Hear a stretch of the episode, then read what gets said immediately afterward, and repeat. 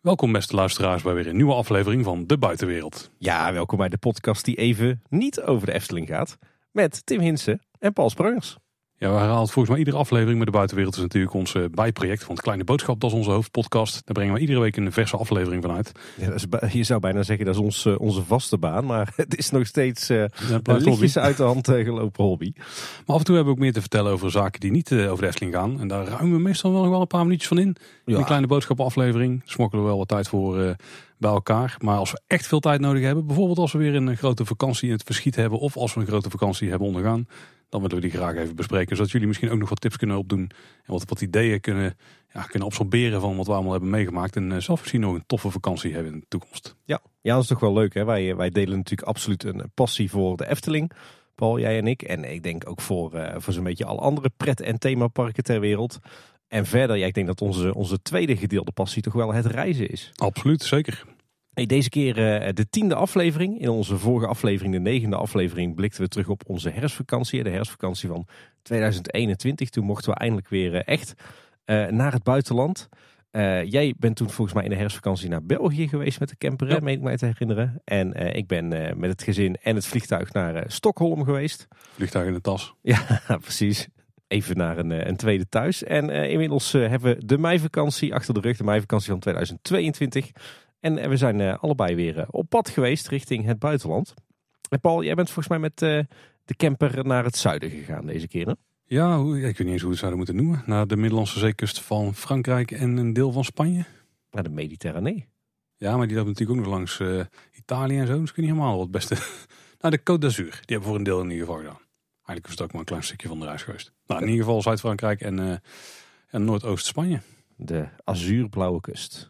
Dat kan ik niet ontkennen dat dat wel vaak het geval was, ja. Kijk, mooi. En jullie zijn weer op het vliegtuig gestapt. Jullie zijn naar het oosten gevlogen. Ja, ja, inderdaad. Ja, alweer op het vliegtuig. Maar misschien voorlopig wel de laatste keer eh, met het vliegtuig. Maar daar moeten we het zo nog maar eens over hebben. Nee, inderdaad. eh, wij zijn naar eh, Berlijn gevlogen. De hoofdstad van, van Duitsland natuurlijk. En ja, daar hebben we een, een hele toffe week gehad. We hebben weer echt zo'n citytrip op zijn Tims en Annes gedaan. Zeggen, we hebben tijdens de coronaperiode wat geëxperimenteerd met eh, een autoreis in België. En eh, eh, vooral veel weekendjes en midweekjes in eigen land. Maar terugkijkend daarop moet ik zeggen dat ons hart toch echt nog steeds wel ligt bij de, de citytrip extravaganza. Hoewel ja. ik laatst in een reispodcast, volgens mij bij Drie op Reis hoorde, dat wat wij doen, dat het eigenlijk slow travel is. Dus wij doen citytrips op zijn slow travels. Ja, dat kan ik me ook wel eens wel voorstellen. Omdat je extra de tijd neemt om één plek helemaal door en door te leren kennen. Ja, ja, inderdaad. Ja, wij doen vaak, als we dan toch naar een grote stad gaan, dan, eh, dan doen we dat vaak eh, eh, dusdanig lang dat de gemiddelde mens zegt, wat moet je daar nou zoveel dagen doen? Maar dat lukt ons altijd goed en meestal dan keren we ook terug naar huis met een, een lijstje van dingen waar we geen tijd voor hebben gehad. En dat was ook deze keer weer het geval. Maar goed, ook daar gaan we het nog over hebben. Maar nee, we zijn heel erg blij dat we toch hebben vastgehouden aan ja, onze, onze aloude favoriete methode van reizen. Namelijk die, die uitgebreide citytrip. Iets wat we volgens mij een paar jaar nadat we, nadat we verkering kregen ontdekten. En eh, wat we sindsdien eh, altijd zijn blijven doen. En op basis van de ervaring van de afgelopen jaren gaan we daar ook, eh, ook zeker mee door. Ik denk dat wij precies de tegenovergestelde methode hanteren. Wij, doen- wij zijn juist heel veel van bliksembezoek aan eh, allerlei highlights. Ja, daar eigenlijk punt. dat omschrijft het vrij goed, denk ik. Nou ja, in- inderdaad. Wij, wat dat betreft, hè, want we zeggen net, eh, een gedeelde passie van ons is absoluut het, eh, het reizen en de buitenlandse reizen. Maar ik denk de methode waarop wij onze reizen doen, die is wel redelijk tegengesteld. Hè? Want jullie nemen je eigen vervoersmiddel mee en jullie gaan echt voor het, eh, het roadtrippen. Terwijl wij juist ons eigen vervoersmiddel thuis laten. Met het vliegtuig of misschien wel de trein op pad gaan. En in een grote stad inderdaad een heel aantal dagen doorbrengen. Eh, en ons verplaatsen met het openbaar vervoer. Dus dat, is, ja, zijn toch twee hele verschillende manieren van vakantie vieren. We probeerden het in het verleden altijd af te wisselen. Maar nu we die camper hebben, we daar natuurlijk het maximale uitslepen. En dan doe je dat vooral inderdaad, ja. En bij ons is de reis dus ook wel echt een heel belangrijk onderdeel van, ja, van de vakantie zelf. Dus gewoon het zien van de omgeving terwijl je onderweg bent. Eh, ook zonder dat je per se ergens stopt en iets eh, mee- meepikt. Ja. ja, ik denk dat dat ook wel het, het verschil verklaart. Hè? Want volgens mij vind jij autorijden of althans camperrijden best wel leuk. Ja, ja, nou ja. Dat ligt aan de omgeving trouwens. Soms is het echt heel leuk en soms dan denk ik echt van... pff, Ja. Maar waren de twee uur maar weer voorbij. Nou, ik moet zeggen, ik ben, uh, voor mij begint de vakantie pas zodra ik de auto thuis laat. Ik heb echt een broertje dood aan autorijden op vakantie. En eigenlijk in het dagelijks leven zie ik het ook als noodzakelijk kwaad. Uh, terwijl wij zijn juist dol op openbaar vervoerssystemen in andere steden. Uh, terwijl er toch ook zat mensen zijn die, die daar juist weer een hekel aan hebben. Hè, met het openbaar vervoer moeten in een ander land, in een andere stad. Maar dat is voor ons absoluut deel van de ervaring. Maar goed, ook daar zullen we nog wel op terugkomen. Zeg Paul, jullie gingen dus eh, deze vakantie weer met de camper op pad en jullie gingen richting het zuiden. Vertel, hoe, uh, hoe kwamen jullie daar zo bij? Nou, dat komt eigenlijk door de herfstvakantie. Daarbij zaten we in uh, België en toen hadden we niet altijd het beste weer. Was best fris. Dat is niet zo vreemd, want het is al bijna winter en zo. En toen zeiden we tegen elkaar van als we de volgende keer weer lang weg kunnen, en dan moet het dus wel minstens twee weken zijn, dan gaan we gewoon zo ver mogelijk naar het zuiden. En toen klonk de, ja, de Franse zuidkust klonk als een, als een prima opzien. Dan moet ik zeggen de Franse zuidkust. Dus echt een stukje tussen Spanje en Italië. Want er komt daar weer een of andere Belg aan die begint over de, uh, de Vlaamse oostkust. En dan denk ik van, volgens mij ligt heel de kust van Vlaanderen in het westen. Maar dat is een heel andere discussie. Uh, maar dit was echt, echt het, dus een stukje tussen Spanje en uh, Italië. Dus die hadden we op het oog, omdat het gewoon behapbaar was qua afstand. Dus je bent er in een paar dagen. Nou, dan kun je daar een tijdje rondhangen. En heb je ook weer een paar dagen om terug te komen. Uiteindelijk is het plan enigszins op zijn kop gezet toen we daar waren. maar dan komen we dadelijk op, denk ik. Maar dat is eigenlijk de reden dat we erheen gingen, want we wilden gewoon een eh, warme vakantie. Kijk, en jij zegt het is best wel, te, eh, best wel behapbaar, maar het is ook best een flink eind rijden van hier vanuit uh, Kaatsheuvel helemaal naar de, de Côte d'Azur. Ja, nu of 12, 13 jaar ligt er een beetje aan waar je heen ging. Wij hadden bedacht, de startpunten wordt ongeveer Monaco. Dus dat is echt wel het uiterste puntje. En dan loop ik niet direct heel erg handig de snelwegen naartoe of zo. Dus dan moet je gewoon via Marseille ongeveer. dus het stukje Marseille-Monaco is ook al anderhalf uur, denk ik. Maar ja, dan, dan denk je van, nou, dan is het even één dag flink doorrijden. Zoveel mogelijk naar het zuiden. Ook niet al te veel doen dan onderweg.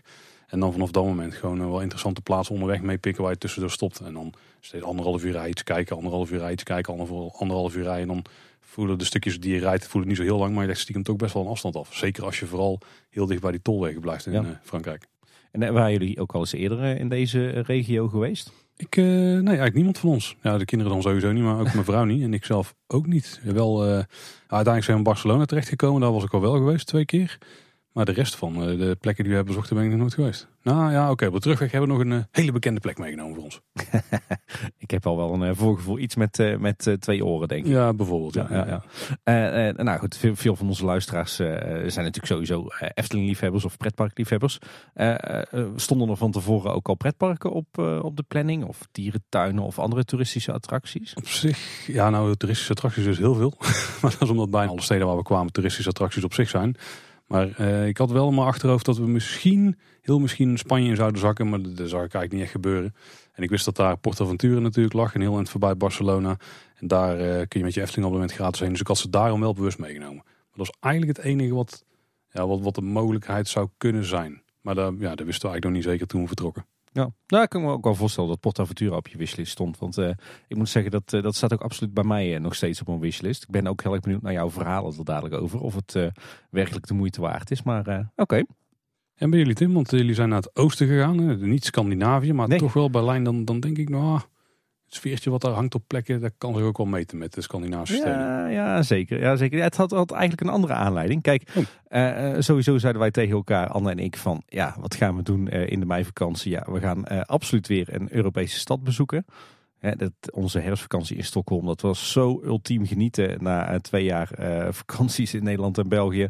Uh, en dat was zo'n enorm succes ook met de kinderen dat we zeiden van ja, dit is gewoon echt onze manier van reizen en dit houden we erin. Uh, dus we waren er al vrij, snel uit uh, dat het weer een, een uitgebreide citytrip werd. En ja, het zal je niks verbazen. We hebben natuurlijk een lange verlanglijst met steden die we nog eens willen bezoeken.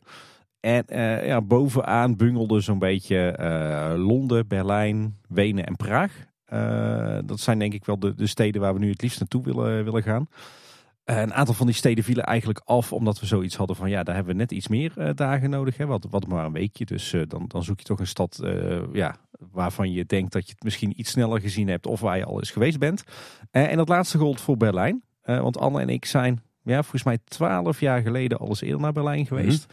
Alleen toen was het echt voor ons een bliksembezoek. Dus toen zijn we op vrijdagochtend met de trein vanuit Deventer uh, naar Berlijn gereisd. Uh, vrijdagmiddag hebben we er een enorme stadswandeling doorheen geknald.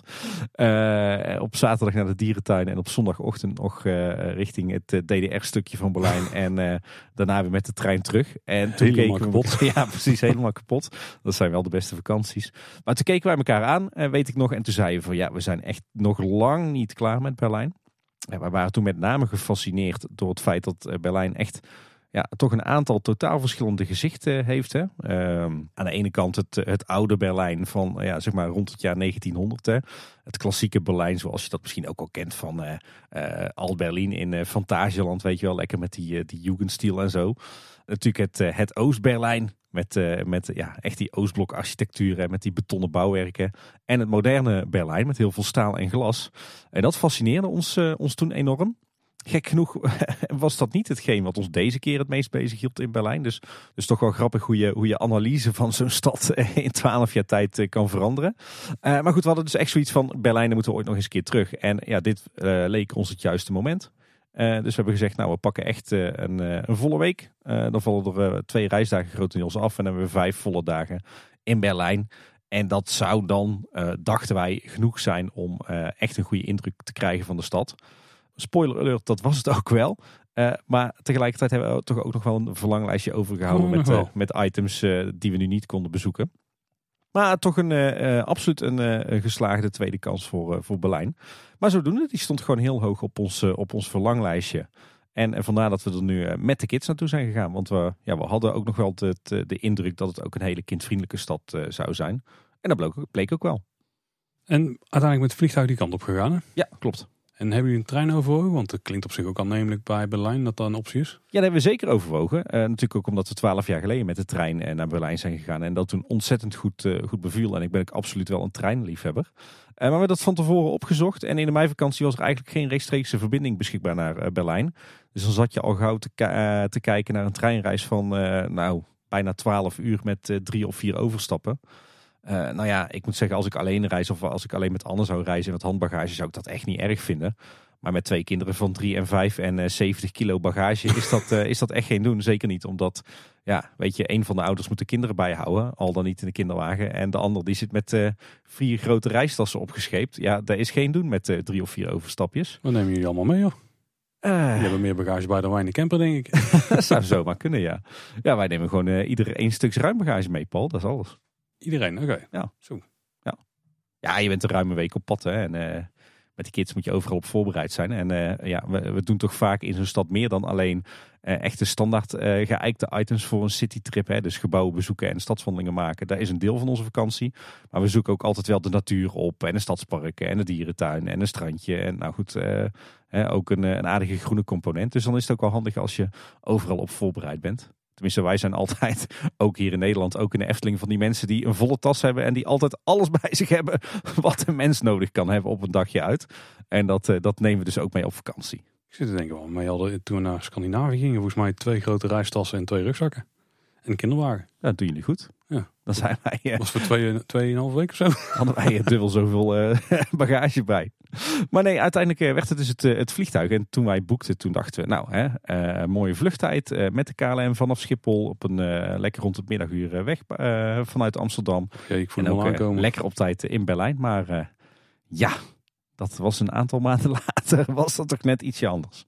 Ja, want zoals de luisteraars wel weten, het is in ieder geval op het moment van opnemen en zeker in de weken hiervoor echt een enorme bende op Schiphol.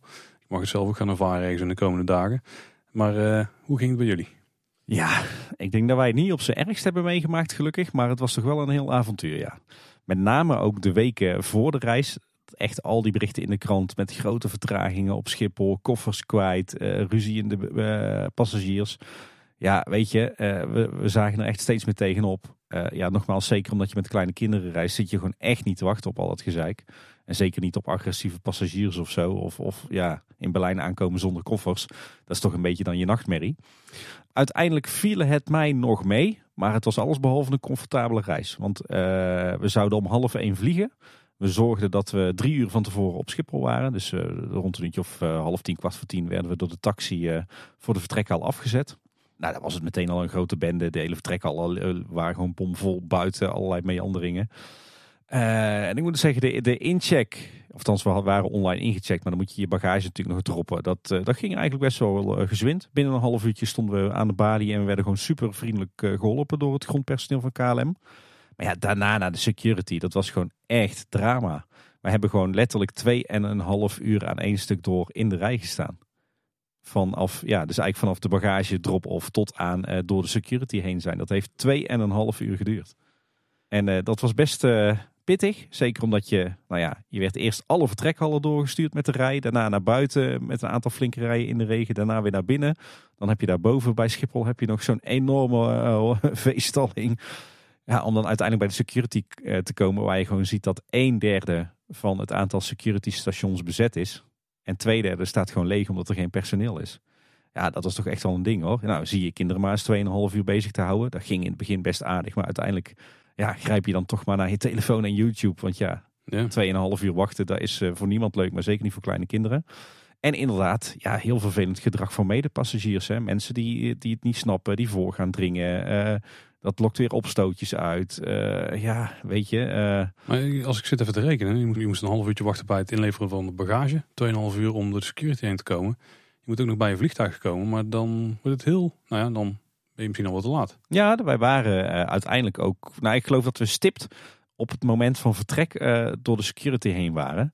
Dan maakte ik me daar op dat moment niet zo heel erg zorgen om. Want ja, we kennen aardig wat, uh, wat vrienden en bekenden in de luchtvaart. En ik weet, zo gauw je koffer is ingenomen en die zit op de vlucht, dan gaan ze je niet zomaar wegvliegen zonder jou. Want dan moeten ze het hele bagageruim weer op zijn kop zetten. om jouw koffer eruit te vissen. Want ze mogen niet vliegen met bagage van mensen die niet in het vliegtuig zitten mhm. in principe. Dus ik stelde Anna ook gerust van, joh, weet je, onze koffers zitten erin. Ze vertrekken toch niet zonder ons. En waarschijnlijk uh, zijn er ook aardig wat passagiers die net als wij hier nog in de rij staan. Dus daar maakte ik me minder zorgen om. Uh, wat trouwens ook wel grappig was, is dat wij in de rij van de security check voor ons Klaas van Eerder hadden staan met zijn vrouw en kinderen. Dus daar hebben we ook nog een hele leuke eh, conversatie mee gehad. Ze, we konden ze trouwens ook nog een handje helpen, want op dat moment moest je nog verplicht een mondkapje op bij de security. En die hadden ze niet bij zich. En gelukkig had ik een doos mondkapjes in mijn rugzak zitten. Want overal op voorbereid. Ja, ja, ja. En uh, dus, dus die, ze konden er een paar van ons overnemen. Maar nee, uiteindelijk bleek toen we door de security heen waren dat onze vlucht een half uur was vertraagd. Door dus al het, het gedoe op ja, op Schiphol, hè, want die, die vliegtuigen die vliegen allemaal lijnvluchten, dus die vliegen heen en weer. En iedere keer moesten ze wachten op passagiers die nog niet door de security heen waren. Uh, dus uiteindelijk hadden wij, uh, waren we alsnog op tijd voor de vlucht. Maar goed, vanuit security richting de gate, uh, ja, dat is dan toch rennen. En geen tijd meer voor een broodje of, of wat drinken waar je eigenlijk nog wel behoefte aan hebt. Maar uiteindelijk de vlucht als appeltje eitje. Uh, een uurtje, een uurtje en een kwartiertje. Uh, was allemaal goed verzorgd door de KLM. En de jongste viel gewoon in slaap. Die heeft 75 minuten liggen maffen. En de oudste die heeft uh, op schoot zitten kleuren en stickeren in, een, in, in zo'n stickerboek, weet je wel. Dus dat ging, ging supergoed. En we, we, hadden een mooie aanvliegroute. Want voordat we landen kregen we eerst een prachtig overzicht over Berlijn. Want we vlogen op lage afstand over het stadshart van Berlijn heen. Dus dat was een mooie, mooie introductie, moet ik zeggen. Ja. Dus uiteindelijk kwam het toch nog goed. Ja, eigenlijk de aankomst op, uh, op Berlijn. Uh, Berlin uh, Brandenburg is dat. Het, het gloednieuwe vliegveld van Berlijn. Wat volgens mij jarenlang heeft geduurd om het te bouwen. En volgens mij ook drie keer over de kop is gegaan qua budget. Ja, dat was super. Gloedje nieuwe luchthaven. Wordt al wel weer verbouwd. Maar uh, daar hadden we ons bagage in een handomdraai. En uh, buiten hadden we ook zo'n geschikte taxibus. Dus dat was echt uh, appeltje eitje. Dat ging, nou ik denk dat wij vanaf het uitstappen uit het vliegtuig tot het instappen in de taxi, dat we een kwartiertje, twintig minuutjes onderweg waren. En terugreis ging daar ook soepel? Of was er ook personeelstekort? Nou, er werd daar heel erg voor gewaarschuwd van kom op tijd, want personeelstekort, lange rijen. maar wij kwamen eigenlijk bij de luchthaven. En uh, dan moet je natuurlijk weer inchecken of je bagage afgooien. Daar stond een behoorlijke rij en ik vond het langzaam gaan.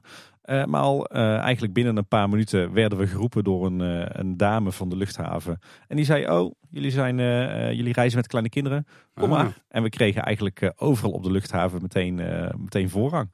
Iets wat ze voorheen ook wel op Schiphol deden, maar wat we deze keer zeker niet hadden meegemaakt. Maar op Berlin-Brandenburg wel dus. Dus hm. we hadden echt tijd over op de terugreis. Maar goed, al met al, uh, ondanks dat de reis eigenlijk nog best wel meeviel, dus achteraf bezien, uh, zie je wel dat de afgelopen weken alleen nog maar slechter is geworden op Schiphol. Hè, met wachttijden tot zes uur en opstootjes waar de marechaussee aan, uh, aan te pas moet komen. Dus we hebben wel gezegd, voorlopig gaan we niet meer via Schiphol reizen. En ja, we hebben wel wat uitzoekwerk gedaan van hoe gaat het dan met, op andere luchthavens. Eindhoven, Frankfurt, Brussel. Maar ja, de bestemmingen die wij in ons hoofd hadden voor het, het hoogseizoen, daar, daar heb je allemaal geen geschikte vluchten. Dus we hebben toch gezegd samen, we gaan voorlopig maar eens met de trein op vakantie in plaats van met het vliegtuig. Want ja, nee, reizen van de Schiphol is even geen optie voor ons. Hey, maar jullie hadden er allemaal niet mee te maken, Paul. Want jullie waren weer lekker met, met de camper op pad. Hoe ging dat deze keer? Nou, kijk, je hebt natuurlijk altijd het risico dat je in de file komt. Want daar hadden we wel eh, op de heenreis in de herfstvakantie. En een deel van de route die we nu gingen rijden, die was hetzelfde. Want ja, we gingen uiteindelijk via Maastricht het land uit. En toen hebben we daar hebben we al lang in de file gestaan. Waardoor een mijn die we wilden bezoeken in, uh, weet je, in de buurt van Luik. Dat we daar niet meer heen konden. Maar dat was nu helemaal geen probleem. We hebben de kinderen namelijk opgehaald uit school.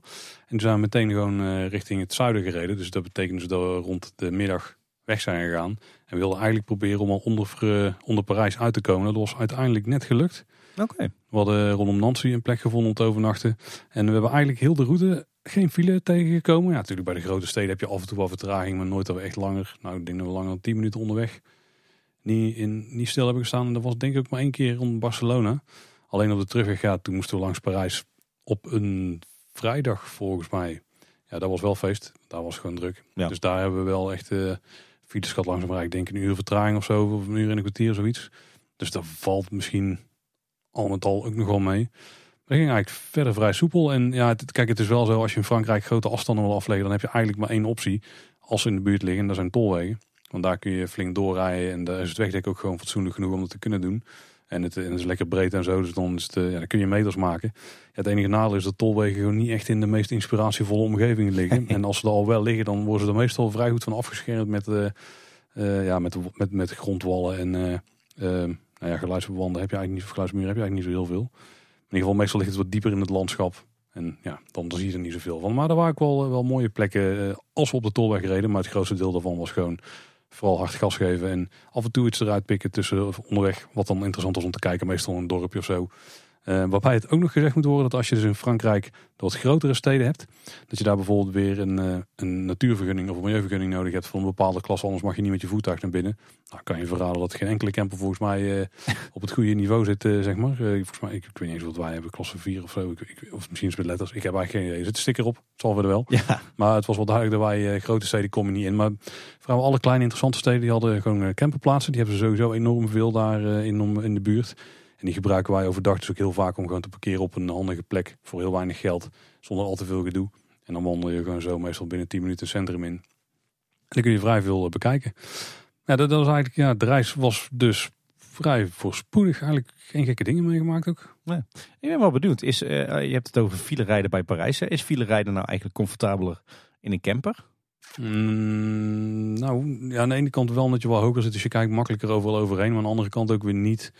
Want je bent ook wel logger en wat minder makkelijk manoeuvreerbaar. En als je in een file komt en je staat op de verkeerde weghelft, ja, dan kan het heel lang duren voordat je op de juiste plek terechtkomt. Zeg maar, heb je ook wel heel veel tijd voor, dus dat scheelt.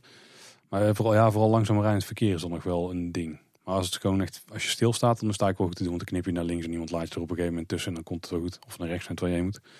Maar file rijden, ja. Nee, het is niet, uh, niet super. Uh, nee, het ja, nee, het is eigenlijk om het even, denk ik. Het is niet zo dat je even de stoel kan omdraaien en dat je gezellig even naar high tea kan gaan houden. En het voordeel is wel, het mag misschien niet. Maar uh, als een kind dan naar de wc moet, ja, dan is het van wacht even, want er staat verder op file. En dan staan we stil en dan gaan ze gauw even zitten en dan komen ze weer terug. Ja, dan rij je vijf kilometer per uur of zo. Dat is allemaal wel te doen. Het is niet net als in de trein dat je juist niet eh, naar de wc mag als de trein stilstaat. Nee, uh, ja, nou, in principe moet je naar de wc als de camper stilstaat. Maar als je een klein beetje rijdt, als het uitkomt, dan, uh, dan staan wij het nog wel toe, ja. Dan klotst het niet over de rand. Ja, weet je wat het ding is? Je kan ook stoppen bij een benzinestation. Want dat is wat we meestal doen als we echt flink doorrijden. Of je stopt dus net naar een tolweg. Want dan heb je meestal ook een parkeerplaatsje.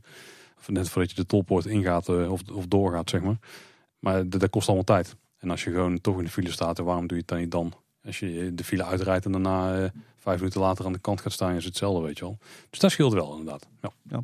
Hey Paul, een tijdje geleden hebben we eens een, eh, een aflevering gemaakt over uh, het reizen met de camper. En daarin heb, heb je mij een uitgebreid college gegeven uh, over wat er nou allemaal bij komt kijken bij de keuze voor een camper en bij het, het rijden en het verblijf erin. Was trouwens aflevering 5 van de buitenwereld voor wie het nog eens terug wil luisteren. Maar inmiddels heb je de camper al een paar jaartjes. heb je nou in de loop der jaren toch dingen geleerd of de camper beter leren kennen, waardoor dat nu de reis voorspoediger ging? ja, nou het belangrijkste is denk ik dat we er nog wel beter in hebben leren rijden. En dat het wel makkelijker is om gewoon flink de vaart erin te houden en dat je dat op een veilige manier kunt doen. Ik denk dat dat wel het grootste verschil is.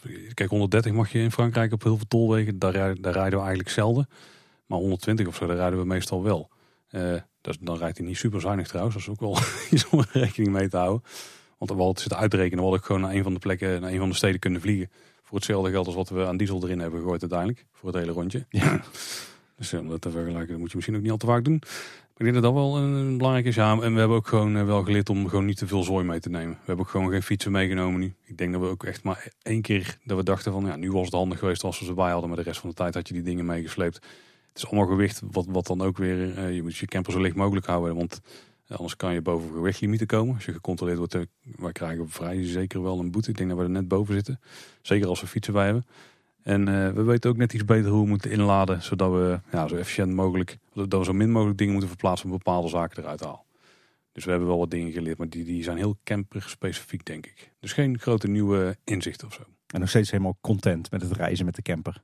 Ja, nou ja, kijk, je pas je rijder ook op aan. Hè. De komen daar denk ik wel op als we een beetje de route gaan doorlopen. Want er zijn gewoon delen natuur die we niet echt hebben kunnen doen. Omdat daar was de camper gewoon niet echt geschikt voor. Dan waren het van die eh, paden, dan mag je, moet je onder de 3,5 ton zijn. Als we daar zien dat zo'n bordje, dan proberen die meestal wel te ontwijken. Want dan weten we wel dat dat wordt lastig als we tegenliggers tegenkomen. Zo. Ja, volgens mij heb je in uh, Groot-Brittannië nog wel wat uh, heikele situaties mee. Ja, dan was het wel spannend, ja. Maar dan waren we iets naïver nog dan nu. daar, toch, uh, daar toch wel wat van geleerd is. Ja, maar al met al, kijk, we hebben wel ook weer gemerkt, Frankrijk is, want dit deel van Frankrijk was beter bereisbaar dan denk zelfs was dan uh, Normandië en uh, Bretagne. Alles in betere bereisbaar, je kon makkelijker lange afstanden afleggen. Als je kijkt, de afstand die we nu hebben afgelegd, uiteindelijk hebben we 5.500 kilometer gereden in iets meer dan twee weken. Dus vrij goed door, doorgestampt, zeg maar. Dat ging daar niet altijd even makkelijk, omdat de wegen gewoon niet zo uh, geschikt ervoor waren. Maar dat, dat ging hier echt uh, prima. Als je 80 wegen had, zeg maar, die waren goed bereidbaar. Terwijl dat daar echt niet altijd het geval is. Of 90 wegen zijn het in veel gevallen trouwens. Frankrijk, hè? Er kan nog wel eens wat verschillen zitten. Dus dat, dat ging eigenlijk heel goed. Ja, wat we wel hebben gemerkt dat we misschien iets te veel hooi op de vork hebben genomen. Uiteindelijk gingen we voor de, de, de Franse zuidkust. Maar uh, daar hebben we misschien minder van gezien dan we initieel hadden gehoopt. Omdat je uiteindelijk meer in Spanje zat dan?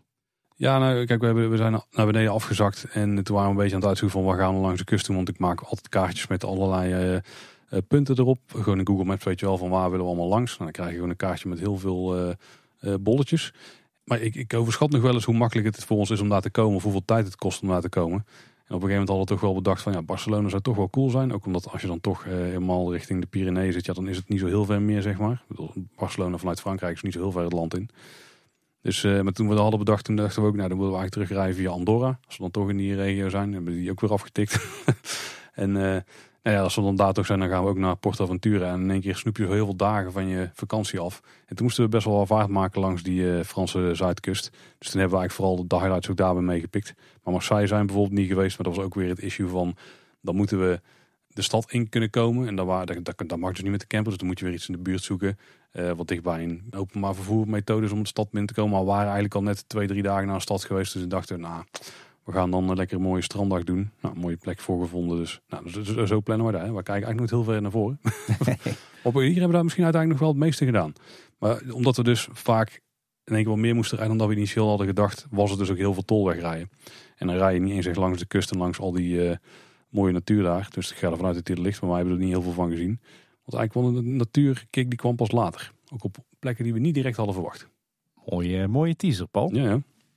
Maar voordat we dan gaan kijken naar de inhoud van de reis, Tim, ik ben wel benieuwd, waar hebben jullie uiteindelijk verbleven? Ja, wij hadden uiteindelijk uh, volgens mij voor de vierde keer een, uh, een appartement via Airbnb. Wij, uh, wij zijn daar erg tevreden mee met, met Airbnb.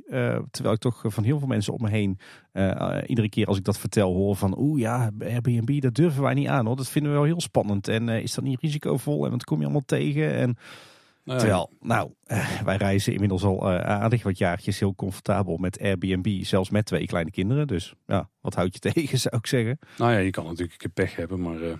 Nou ja, dat, dat, zeggen mensen. Maar het voordeel van Airbnb is dat het natuurlijk volledig drijft op recensies. En Airbnb heeft, heeft echt een heel waterdicht systeem gebouwd.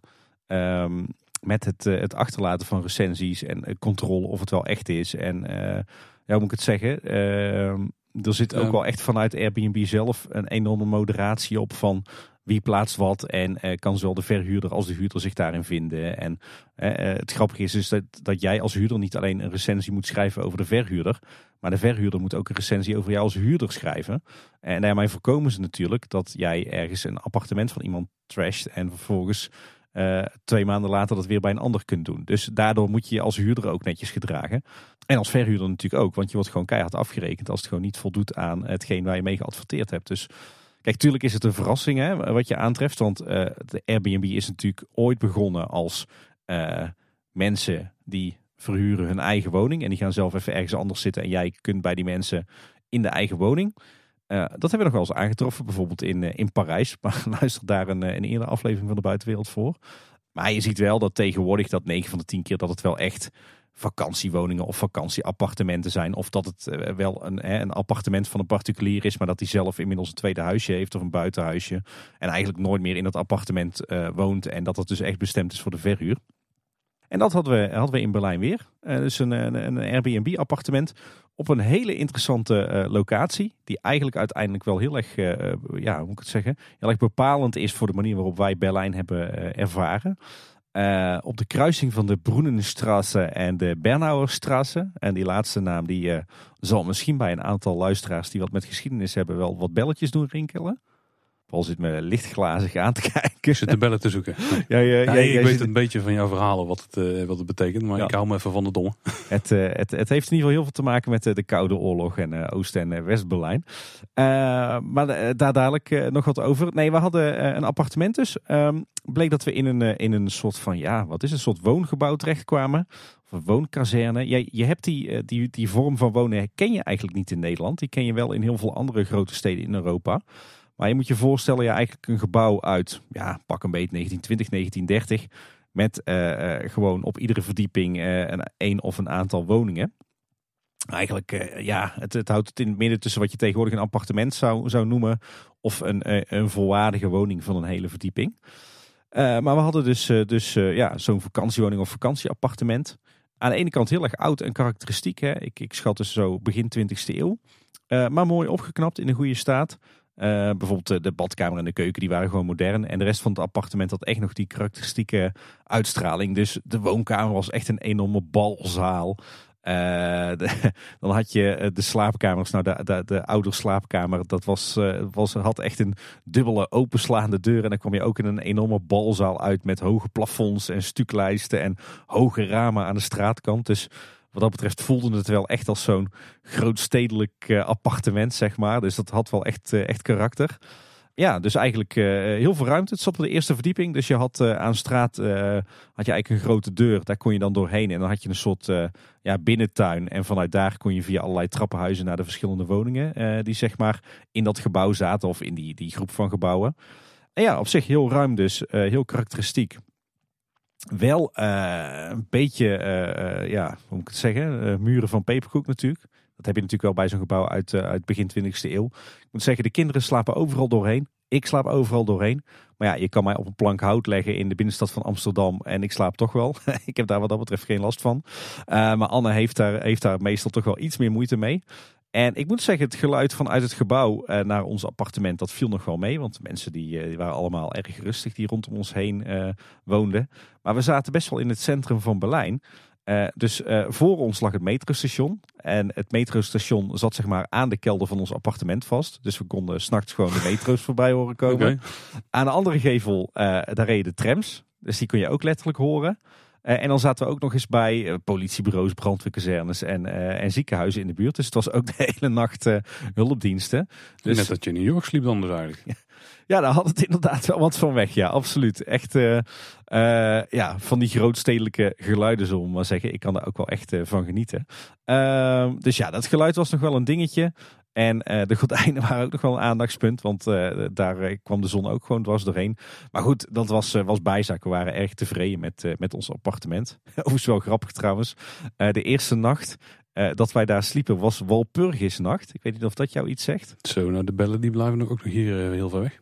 Nou ja, in ieder geval, het, het, heeft volgens mij iets, iets, iets kerkelijks. En het heeft ook wat te maken met, uh, met, met natuur en natuurkrachten. En nou ja, tot er verder niet toe. Het was in ieder geval volgens mij de avond voor 1 mei. En 1 mei is natuurlijk een, uh, een belangrijke dag in Duitsland, hè, de dag van de arbeid. En uh, de avond voor 1 mei, dan vinden er altijd enorme protesten plaats in Berlijn. Van met name links en extreem links en mm -hmm. de socialisten, misschien een restantje communisten. En uh, die protesten die kwamen ook bij ons door de straat. En bij ons in de straat was ook een soort opstelterrein van ME-busjes. Dus onze eerste nacht in Berlijn was redelijk, uh, ja, hoe zal ik het zeggen, bewogen.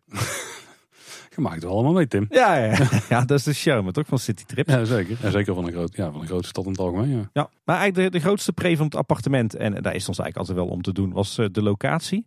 Uh, we zaten eigenlijk nog precies binnen het centrum van Berlijn, maar niet in het toeristische centrum. Dus ja, je zou kunnen zeggen dat we echt op de rand zaten van het centrum. En als je bij wijze van spreken de Bernauerstraße uh, overstak, dan, dan kwam je een beetje in de, de eerste ring van buitenwijken rond het centrum. Maar we zaten dus ja, heel vrij aan de rand van het centrum. Ideaal gelegen, groot metrostation voor de deur, tramhalte voor de deur. Ja, we zaten echt aan zo'n hele brede laan. De Broenestrasse, dan moet je je voorstellen met al die woongebouwen.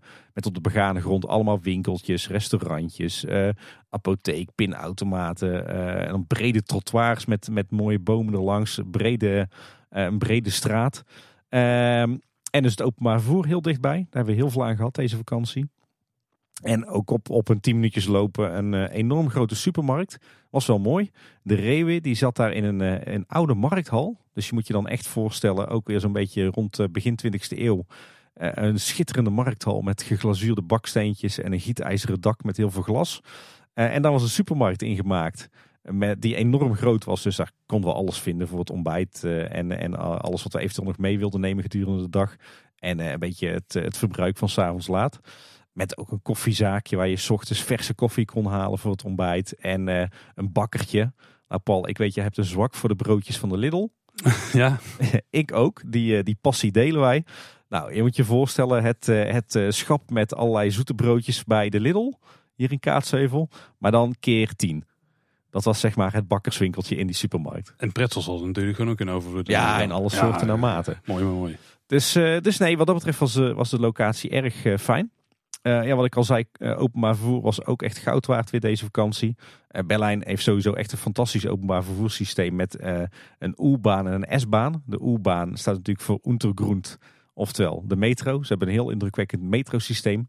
En de S-baan is misschien nog wel leuker. De Straßenbaan, oftewel ja, een beetje de, de elevated tramway zoals je die kent uit, uit New York. Hè? Eigenlijk gewoon een soort hoogspoor dwars door de stad heen. Maar die gaat niet overal hoog, toch? Die gaat ook plekken toch wel over de straatniveau, zeg maar. Ja, het grappige is dat de S-baan ook af en toe gewoon uh, op, op straatniveau gaat. En ook ondergronds. En dat de U-baan ook wel eens bovengronds gaat. Ja. maar goed, dat is een ander verhaal. Daar kan je een boek over schrijven. En een boek heb ik gekocht. Maar dat, dat zijde. en uh, dus die U-baan en die S-baan die zijn echt goud waard. En verder zijn ze eigenlijk ook de laatste jaren weer het, het tramnetwerk echt aan het opbouwen. Dus er rijden ook ontzettend veel trams in de stad. Uh, ook nog heel veel bussen. En het fijne is nou dat het openbaar vervoer van Berlijn, dat valt allemaal onder één uh, maatschappij. Die hebben gewoon een app. En in die app kan je digitaal je tickets kopen. Ook gewoon weektickets voor het hele gezin. Daar zit een routeplannertje in. Uh, waar, waar je stations kunt invoeren, maar ook gewoon straten of toeristische attracties. En dat laat precies zien welke openbaar vervoermiddelen dat je kan gebruiken. Hoe laat ze vertrekken, de reisduur. Waar stap je uit? Welke ingang-uitgang moet je dan gebruiken? Ideaal. Dus we hebben ons deze uh, deze vakantie weer uh, ontzettend uh, veel gebruik gemaakt van met name de, de, de metro en de tram. En dat, dat was genieten, want ja, openbaar vervoer, even los van dat het handig is, is het eigenlijk ook altijd wel een ervaring op zich in zo'n stad. Maar, maar wat voor ons eigenlijk bepalend was voor de, voor de vakantie, was de locatie van het, het appartement. Ik zei al, we zaten op de hoek van de Brunenstraße en de Bernauerstraße. En de Bernauerstraße die staat er onbekend, omdat dat de grens was tussen Oost- en West-Berlijn. En nou zal ik niet de hele geschiedenis over de Koude Oorlog en Oost- en West-Berlijn hier gaan herhalen. Uh, maar dit was een belangrijke plek, want de muur die liep daar eigenlijk uh, parallel aan die straat.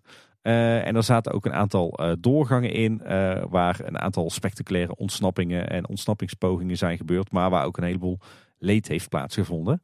En toen we de eerste keer met de taxi aankwamen bij ons appartement vanaf het vliegveld, toen viel ons al op dat er eigenlijk naast ons appartement een grasveld lag of een parkje. En dat ons gebouw een, ja, echt een blinde muur had. Dus gewoon een dichte muur. Iets wat je niet verwacht in zo'n grote stad. Hè. Dan verwacht je dat zo'n gebouw gewoon doorloopt tot aan de hoofdstraat op de hoek. En dat er raampjes in zitten en zo. Maar wat bleek nou? Naast ons appartementengebouw stond voorheen nog een gebouw. Met appartementen. En dat zat dus aan de grens tussen Oost- en West-Berlijn. En wat gebeurde er? Mensen die sprongen uit de ramen van dat woongebouw om zo vanuit Oost-Berlijn in West-Berlijn te komen. Dus uiteindelijk heeft de DDR heeft alle uh, woongebouwen langs de Berlijnse muur gesloopt van de een op de andere dag om uh, dat dus te voorkomen. Oké. En het bijzondere is dus dat uh, de kelder van ons appartement gebruikt is daadwerkelijk in, in de tijd van Oost- en West-Berlijn als ontsnappingsroute richting het westen. Dus er zijn vanuit de kelder van ons appartement zijn er tunnels gegraven door mensen die in Oost-Berlijn zaten, om dus aan de andere kant te komen. Uh, en ja, zodoende stond eigenlijk onze hele vakantie toch wel heel erg in het teken van ja, de Berlijnse muur en uh, Oost- en West-Berlijn. Want ja, er kwamen ook tours bij ons door het appartementengebouw en bij ons in de kelder. Door het gebouw heen? Ja, ja, ja, ja, ja, er was ook een soort ondergrondse tour waarbij je dus uh, als toerist ja, eigenlijk een rondleiding kreeg langs verschillende ontsnappingstunnels tussen Oost- en West-Berlijn. En die ging ook bij ons in de kelder kijken. Dus dat was, was wel heel bijzonder. En verder ook een heleboel ja, eigenlijk stille getuigen en monumentjes aan ons gebouw, in het parkje naast ons gebouw. Ja, weet je, je werd gewoon overal in de omgeving van ons appartement geconfronteerd met die geschiedenis.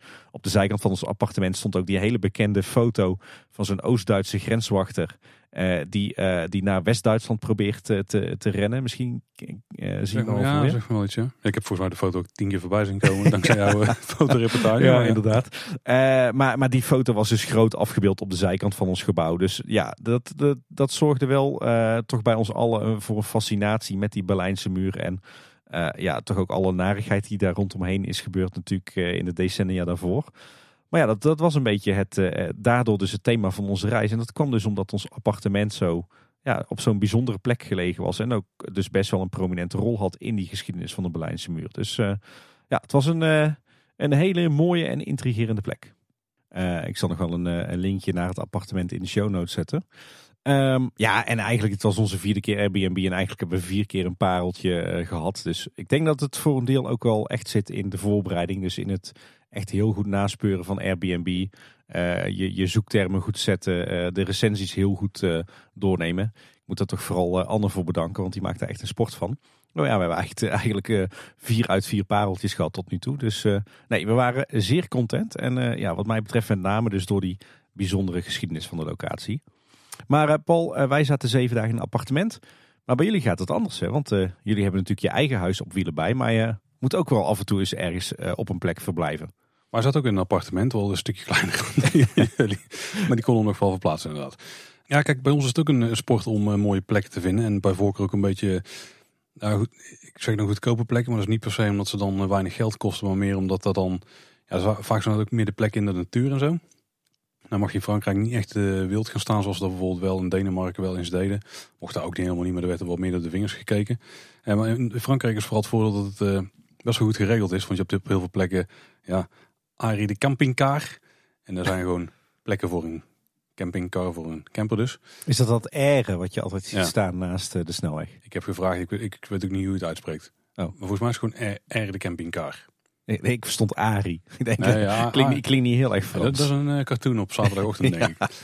Maar die heb je, Frankrijk is dat wat dat betreft heel goed geregeld. En staat ook op echt op heel veel plekken aangegeven. Ja, wij hebben dus apps om plekken te zoeken. En uh, wat we eigenlijk vaak doen, is we weten sowieso meestal niet meer dan een dag of twee vooruit waar we überhaupt in de buurt gaan zijn.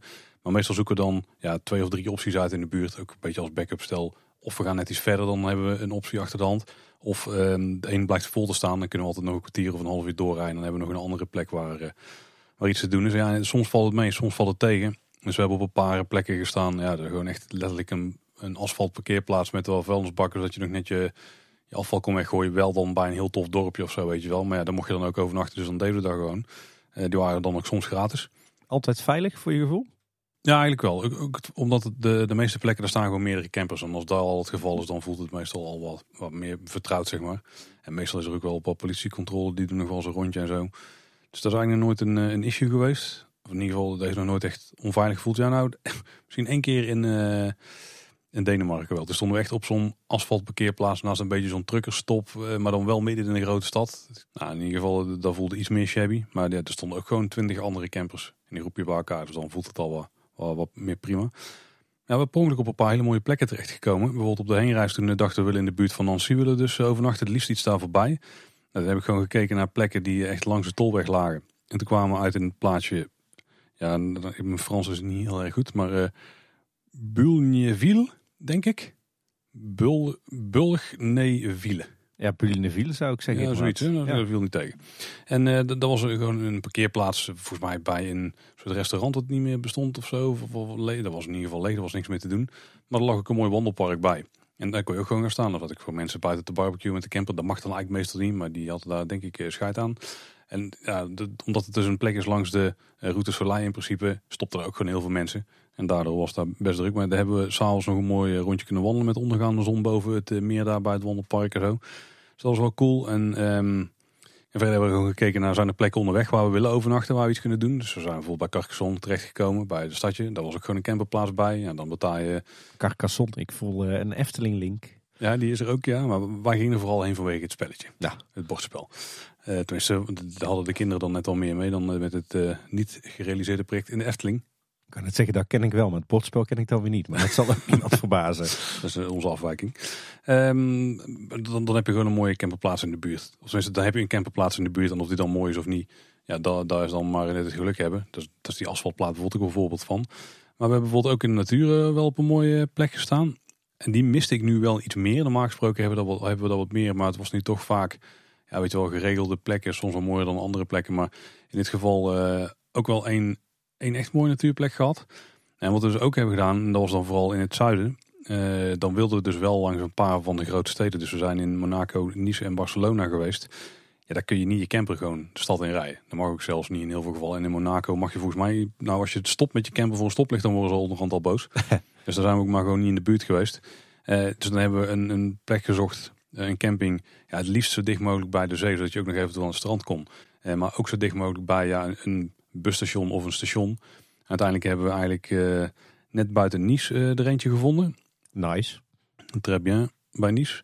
Dat was een Antibes. Antibes, ik heb niet, ik weet Antibes, ik heb geen idee. Volgens mij Antibes. Antibes, dat klinkt ook allemaal uh, aannemelijk. Of eigenlijk ja, net iets ten noorden daarvan, tussen Antibes en uh, Nice in. En vanuit daar komen we prima met de trein naar uh, Hartje Nice en naar Hartje Monaco. Ja, Hartje Monaco is niet zo moeilijk, want dan ben je altijd als je nou uitstapt. Bij Barcelona hadden we ook op een gegeven moment een camping gevonden aan het, uh, ja, aan het strand. Dat mocht dan niet echt een naam hebben, maar je, je kon wel naar iets met zand toe wat aan, het, uh, aan de zee lag. maar dan stond je binnen 20 minuten met de trein in, aan Plas de Catalunya. Nou, dat is wel een mooie plek, dus midden in het centrum. Ja, zeker. Dus um, tenminste, de trein stopte dan uiteraard midden in het centrum. Dus ja, dan merk je wel dat als je daar niet al te veel geld wil betalen, en überhaupt als je een beetje net aan de buitenrand van die steden wil zitten en je zoekt een camping, er zijn ook wel een beetje de shabby plekjes hoor. Hmm. En je betaalt er vrij veel voor. En ja, dat is vooral vanwege de ligging. Uh, en het is ook niet de allerbeste camping, want uiteindelijk die echt mooie, chique ja, kampeerlocaties met de, chique stranden en een hoop restaurantjes en zo. Je liggen gewoon in de meer, ja, zeg maar echt de, de, de strand, of meer de badplaatsachtige plekken, zeg maar. En die hebben we ook wel een aantal gehad. Maar bij grote steden is dat gewoon heel lastig om die te vinden. Oké, want ik, meen mij te herinneren. Uh, zowel tijdens een, een, eerdere reis in Helsinki en ook tijdens een eerdere reis in Göteborg. Daar zaten wij op prachtige vakantieparken. Zo mooi op de grens tussen de stad en de natuur. Waar wij dan vaak zo'n zo'n houten huisje hadden, zo'n stoelkamer. Maar die hadden dan ook echt geweldige camperplekken. Met veel ruimte waar mensen gewoon lekker de, de tuinset buiten zetten. Lekker barbecuen. Uh, prachtig in, in het groen. Maar dat is dan iets typisch Scandinavisch of zo? Of? Denk, ja, even kijken. Wij hebben in Denemarken hebben dat soort plekken ook zeker meegemaakt. Ja. En hebben we ook in, toen wij door Scandinavië reden zelf meegemaakt. Toen we ook in die hutten zaten. Ik denk dat het vooral wel typerend was voor de streek daar. Ik denk dat als mensen echt naar de badplaatsen gaan, ja, dan, dan ga pak je, je kan ook een hotel in Barcelona pakken. Dan kun je nog steeds prima als badplaats zien. En Nice gaat ook best goed. Als je echt de badplaats hebt zoals uh, in Lorette Mar of zo, ja, daar gaat toch heel veel, dat is allemaal veel appartementwerk en zo. Je hebt er wel campings in de buurt, maar dan zit je net verder uit de stad dan wij wilden. We wilden eigenlijk het dichtst zijn, de, of zo dicht mogelijk bij een stad zitten, dat we echt bij voorkeur minder, binnen minder dan een half uur uh, in de stad zaten. En heel dicht bij het treinstation, dat we er in een minuutje of vijf heen konden lopen.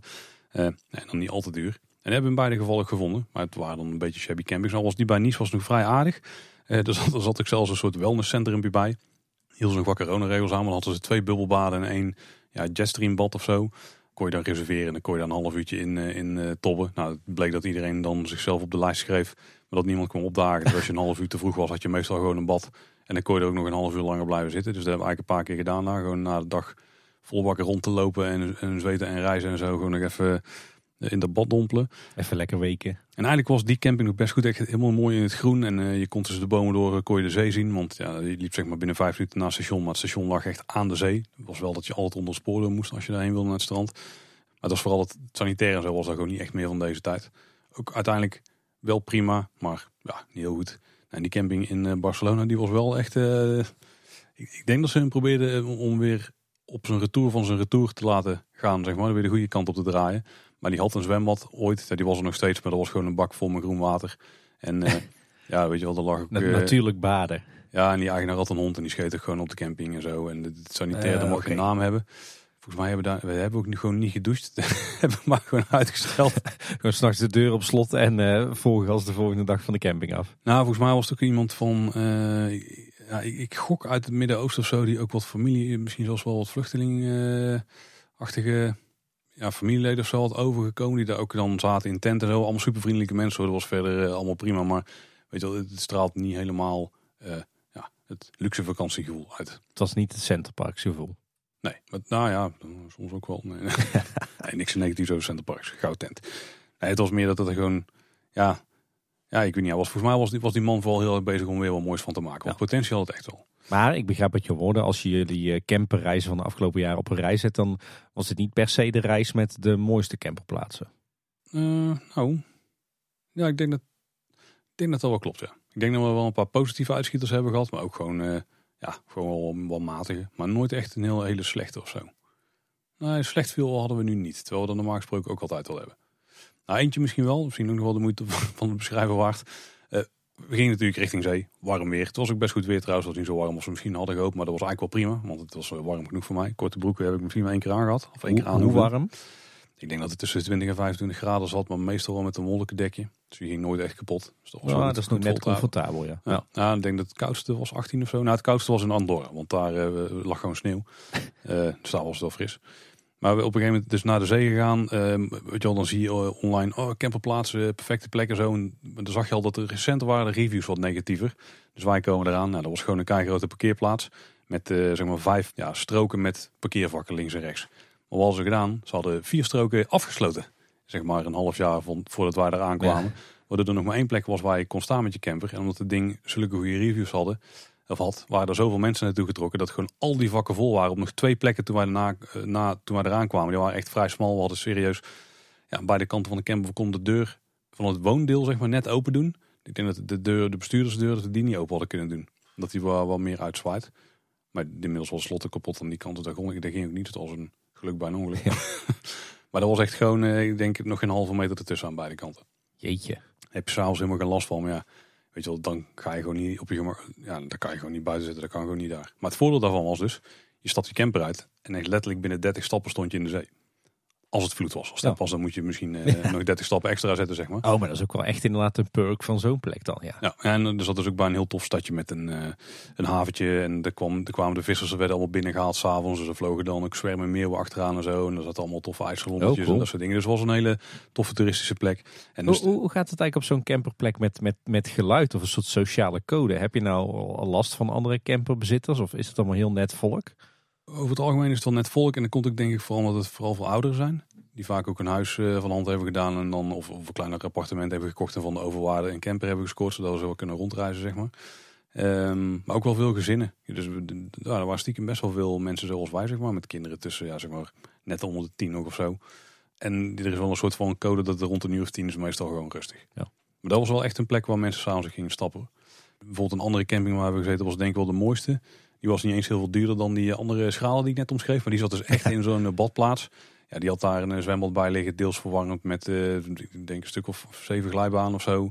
Waar je ook gewoon dan gebruik van kon maken. Het was binnen drie minuten stond je op het strand. Boulevard met uh, twintig tentjes om wat te eten. Nog drie, zeg maar, drie parallelwegen dik. Ook allerlei uitgaansgelegenheden, restaurantjes, winkeltjes, dingen. Ja, daar heb je dan ook. En dat was echt, daar had je ook best mooie plekken trouwens om te staan. Ja. Veel Nederlands, veel op. Nou trouwens, viel eigenlijk wel tegen. Dit was echt een onbekende badplaats. Dit was geen Lorette of zo. Oké. Okay. Argelès-sur-Mer was het nog nooit van gehoord. Vlak bij de grens met uh, Spanje. Zeg maar ook niks, nee. Nou, en wat we ook hebben gedaan, was nog misschien een soort de, laatste buitenbeencategorie van overnachtingsplekken. Is dat we ook twee keer bij een pretpark op de parkeerplaats hebben overnacht. Op de parkeerplaats? Ja, nou, daar zeg ik eigenlijk verkeerd. Want bij Disneyland Parijs zijn we dus geweest. Nou, spoiler, dat was dus het park op de terugweg. Uh, daar hebben we echt letterlijk op de parkeerplaats gestaan. Daar is het ook gewoon voor ingericht. Als je daar met de camper komt, dan betaal je 15 euro meer dan een, een reguliere auto. En dan mag je blijven overnachten. Dus 385 euro? Ja, ongeveer. Ja, van, in ieder geval, ja, nou, het was 45 euro per nacht. Dus dat is voor een camperplaats echt extreem duur, zeg maar. Zo die waren die campings aan de zee nog niet eens met zwembaden en al erbij. Maar als je het vergelijkt met je auto daar neerzetten of je zet je camper neer, je kunt blijven overnachten. En dan hoef je dus geen hotel of overnachting in de buurt te hebben of terug naar huis te rijden. Is het niet een hele slechte deal als je het op die manier bekijkt. Uh, waarbij wel de tip is dat je eigenlijk moet blijven overnachten op de dag dat je aankomt. Dus niet van tevoren, dat hadden wij gedaan. Want dan moet je dus twee nachten aftikken. Ah, kijk. Maar goed. Of je rijdt, nee dat kon niet. Dan moet je twee nachten aftikken juist. De volgende dag er ook weer bleef. Maar goed, voor die 45 euro hè? Ja, op een uh, dagje Disneyland Parijs is daar natuurlijk peanuts. Want je betaalt je helemaal blauw. Ik, ik, heb net, ik heb net een, eh, een appartement eh, bij Airbnb geannuleerd. Eh, vanwege het gedoe met Schiphol. En daar uh, kost me bijna 800 euro wat zo dat putje gespoeld wordt. Dus, uh, Voor het annuleren? Ja. Zo, oké. dus, die 45 euro, Paul, die valt nog reuze mee. Nou, kijk, een andere plek waar we dus zijn geweest was Portaventura. En die hebben dus een eigen camperplaats. En dat was misschien wel de grootste verrassing van de vakantie. Want als je daar zag van zeg maar, satellietbeelden, kijk maar eens even van tevoren. Grote asfaltplaat leek het. Uh, met een, uh, een slagboom voor. En een, en een, klein gebouwtje met wat toilet of zo. Maar toen kwamen we daar uiteindelijk aan. En dit hadden we ook verkeerd aangepakt. Ook weer een tip, mocht je dit ooit meemaken. Daar is volgens mij de tip, doe het andersom. Ga eerst naar de camperplaats. Uh, want daar krijg je dan een ticket om je auto gewoon, of je camper gewoon neer te zetten op de reguliere parkeerplaats de dag daarna. Dus je rijdt er van tevoren heen, dan overnacht je daar. Kost volgens mij 30 euro of 35 euro of zo. Maar dan kan je ook de dag daarna gewoon gratis parkeren op, de hoofdparkeer, op het hoofdparkeerterrein. Dat is volgens mij ook weer 13 of 15 euro of zo. Dus die bespaar je dan weer. Ook dat hadden wij verkeerd omgedaan. Wij zijn er eerst heen gegaan, naar de hoofdparkeerplaats gegaan. Toen daarna naar de camperplaats. Maar je kreeg geen korting met je parkeerticket. Maar we kregen wel weer een nieuwe parkeerticket voor een dag later. Waar we niks aan hadden. Maar de verrassing daar was vooral dat het sanitair was echt top. Was misschien wel het beste van heel de vakantie. Super ruim, schoon. Uh, meer dan genoeg uh, was er zeg maar. Er waren niet echt familiedouches, maar je kon ook uh, misbruik maken van het minder toilet. En dan kon je, daar zat ook gewoon een douche in. Dus dan had je alle ruimte zeg maar, om uh, iedereen te douchen. Ruime plek ook, stroom, water, alles was gratis inbegrepen. Afwassen oh, kon officieel niet, maar je kon gewoon warm water pakken uit de, de toiletgebouw weer stiekem. En dan kon je alsnog gewoon afwassen. Maar er zat dus ook een eh, bemande, een continu bemande uh, receptietje zat daarbij. Waar je ook gewoon wat dingen kon kopen, was snacks, wat drinken. Oh, maar ook gewoon misschien dingen die je nodig had in het park daarna, zonnebrandcrème, weet je wel, was speelgoed, dat soort spul. Um, en heel veel volletjes en zo. Uh, maar wat het allertofste was, en dat hadden we helemaal niet verwacht, we kregen ook wel postbandjes. En uh, die waren dus on, en die waren voor toegang tot het hotel van Portaventura. Wel een van de hotels uh, van Portaventura die er vlak naast ligt, die open was. Waar je dus kon gaan zwemmen. Kon gewoon gebruik maken oh, van het zwembad daar. Luxe. Je kon gebruik maken, je kon daar showtjes kijken s'avonds. Want dat was zo'n kinderdisco. En ja, je hebt natuurlijk gewoon de hotellobby waar je rond kunt hangen. Winkeltje ook daar en zo. En dan kun je ook gewoon heel de avond nog rondschouwen. En dat was echt, uh, ja, dat was echt goud. Nou, chic. Echt een uh, echte de resortgedachte dus. Ja, daar had je wel echt het resortgevoel. Ondanks dat je die camperplaats van tevoren dacht, het is echt gewoon een plaat asfalt. En nou, dat klopt op zich ook wel, maar wel met wat groenstroken ertussen. En uh, weet je wel, een beetje van die open blokken waar nog wat gras tussen zit en zo. Dus dat, dat was allemaal heel netjes. super schoon, super nieuw. En dan nog extra faciliteiten die wij als, ja, een beetje als bonus kregen. Want daar las je nergens over. We kregen gewoon die dingen uitgereikt toen we daar aankwamen. Nou, dat was echt top. Ja, zou dit, zou dit ook een ideale camperplaats zijn bij de Efteling, denk je? Of zou je dan toch net iets anders willen zien? Ik zou hem net wat groener willen zien nog wel. Dat je meer in vakjes rijdt, zeg maar, met wat groene borden ertussen. Dat is echt perfect. En dan dat, dat de breedte een meter of, uh, ja, zeg maar een meter of vijf is of zo, denk ik, per plek. Dan kun je ook nog je live wel eventueel uitdraaien en daar gaan zitten. Maar ook al heb je dat niet als je gewoon meer tussen het groen parkeert. Dat doet altijd net iets meer en dat past iets meer bij Efteling sfeer. Maar ik vond dit was echt een, een positieve uitschieter eh, wat dat betreft. Als in, we hadden er niks van verwacht en het was vrij duur. Het is nog steeds vrij duur voor een camperplaats. Maar waar je er uiteindelijk voor terugkreeg was best wel de moeite. Ja, klinkt goed. Wat denk ik wel anders was dan met de voorgaande reizen. Dat hier het verschil tussen de campings qua prijs per nacht echt. Of tussen de campings, tussen de overnachtingsplekken van prijs per nacht echt enorm veel verschilde. Uh, en ook in het algemeen een stuk hoger lag dan wat we gewend waren. Want in Denemarken, maar ook in uh, Normandië en Bretagne. En dat, zat dan, dat was dan wel twee jaar geleden bijna. Of, of dik anderhalf jaar ervoor. Uh, dan, dan was zeg maar een, een camperplaats was, nou ja, 12 tot 15 euro of zo. Met, met vrijwel alles erbij. Er ligt hier al wel een euro of vijf hoger te liggen op heel veel plekken. Al hebben we niet echt van dat soort camperplaatsen gehad met gewoon een slagboompje en een checkman. de campings waren ook een stuk duurder, maar dat kwam waarschijnlijk ook door de ligging. Dan hebben we ook nog die camperplaatsen uh, daar bij die parken. die waren helemaal duur. maar daar hebben we aan de andere kant ook gewoon wel een paar gratis overnachtingen gehad. Waarvan je dacht van, oh, dat, dat dit geld kan, is wel vrij bijzonder. En de allermooiste plek was denk ik uh, een van de laatste dagen toen we richting Disneyland Parijs gingen in, uh, in de Dordogne. Dat was gewoon echt tussen de naaldbomen, weet je wel, uh, grote open plekken, tientje. Een beetje wel zo verwachten met stroom en, en, dat je ook wel watercompact erbij in kon lozen en zo. Ja, dat was, dat was denk ik wel de mooiste plek. Ja, zo klinkt het ook zeker. Dus we hebben van alles gezien. Qua overnachting. Ja. Maar, dan, maar dan natuurlijk denk ik het allerbelangrijkste van de reizen. We hebben allemaal gedaan toen we er waren. Goeie vraag, Paul. Dan ben ik als eerste benieuwd wat jij bij The Germans hebt gedaan. The Germans. Ja, nou, ik moet zeggen, dat is natuurlijk ook. nou, we het daar toch over hebben. Er heersen wel een hoop broodje aapverhalen over Duitsland hoor. Of in ieder geval over Berlijn. Sowieso, Duitsers praten best aardig Engels. Als je ze vraagt van, uh, van uh, spreekt u Engels, dan, uh, dan zeggen ze allemaal een heel klein beetje. En dan ga je ermee praten en dan praten ze prima Engels. nou scheelt het dat mijn Duits vrij goed is. Dus ik heb vrijwel nergens op Engels overgeschakeld. Maar goed, ze spreken best prima Engels. Eh, en dan hoor je iedereen, ja, in Duitsland kan je alleen maar contant betalen, want ze hebben daar nog niks met internet en zo. Nou, ik had een, eh, een bussel contant geld bij. Nou, het ging allemaal weer terug naar Nederland, want uh, je kan in Berlijn overal met je, met je pinpas, met je telefoon, met je horloge betalen.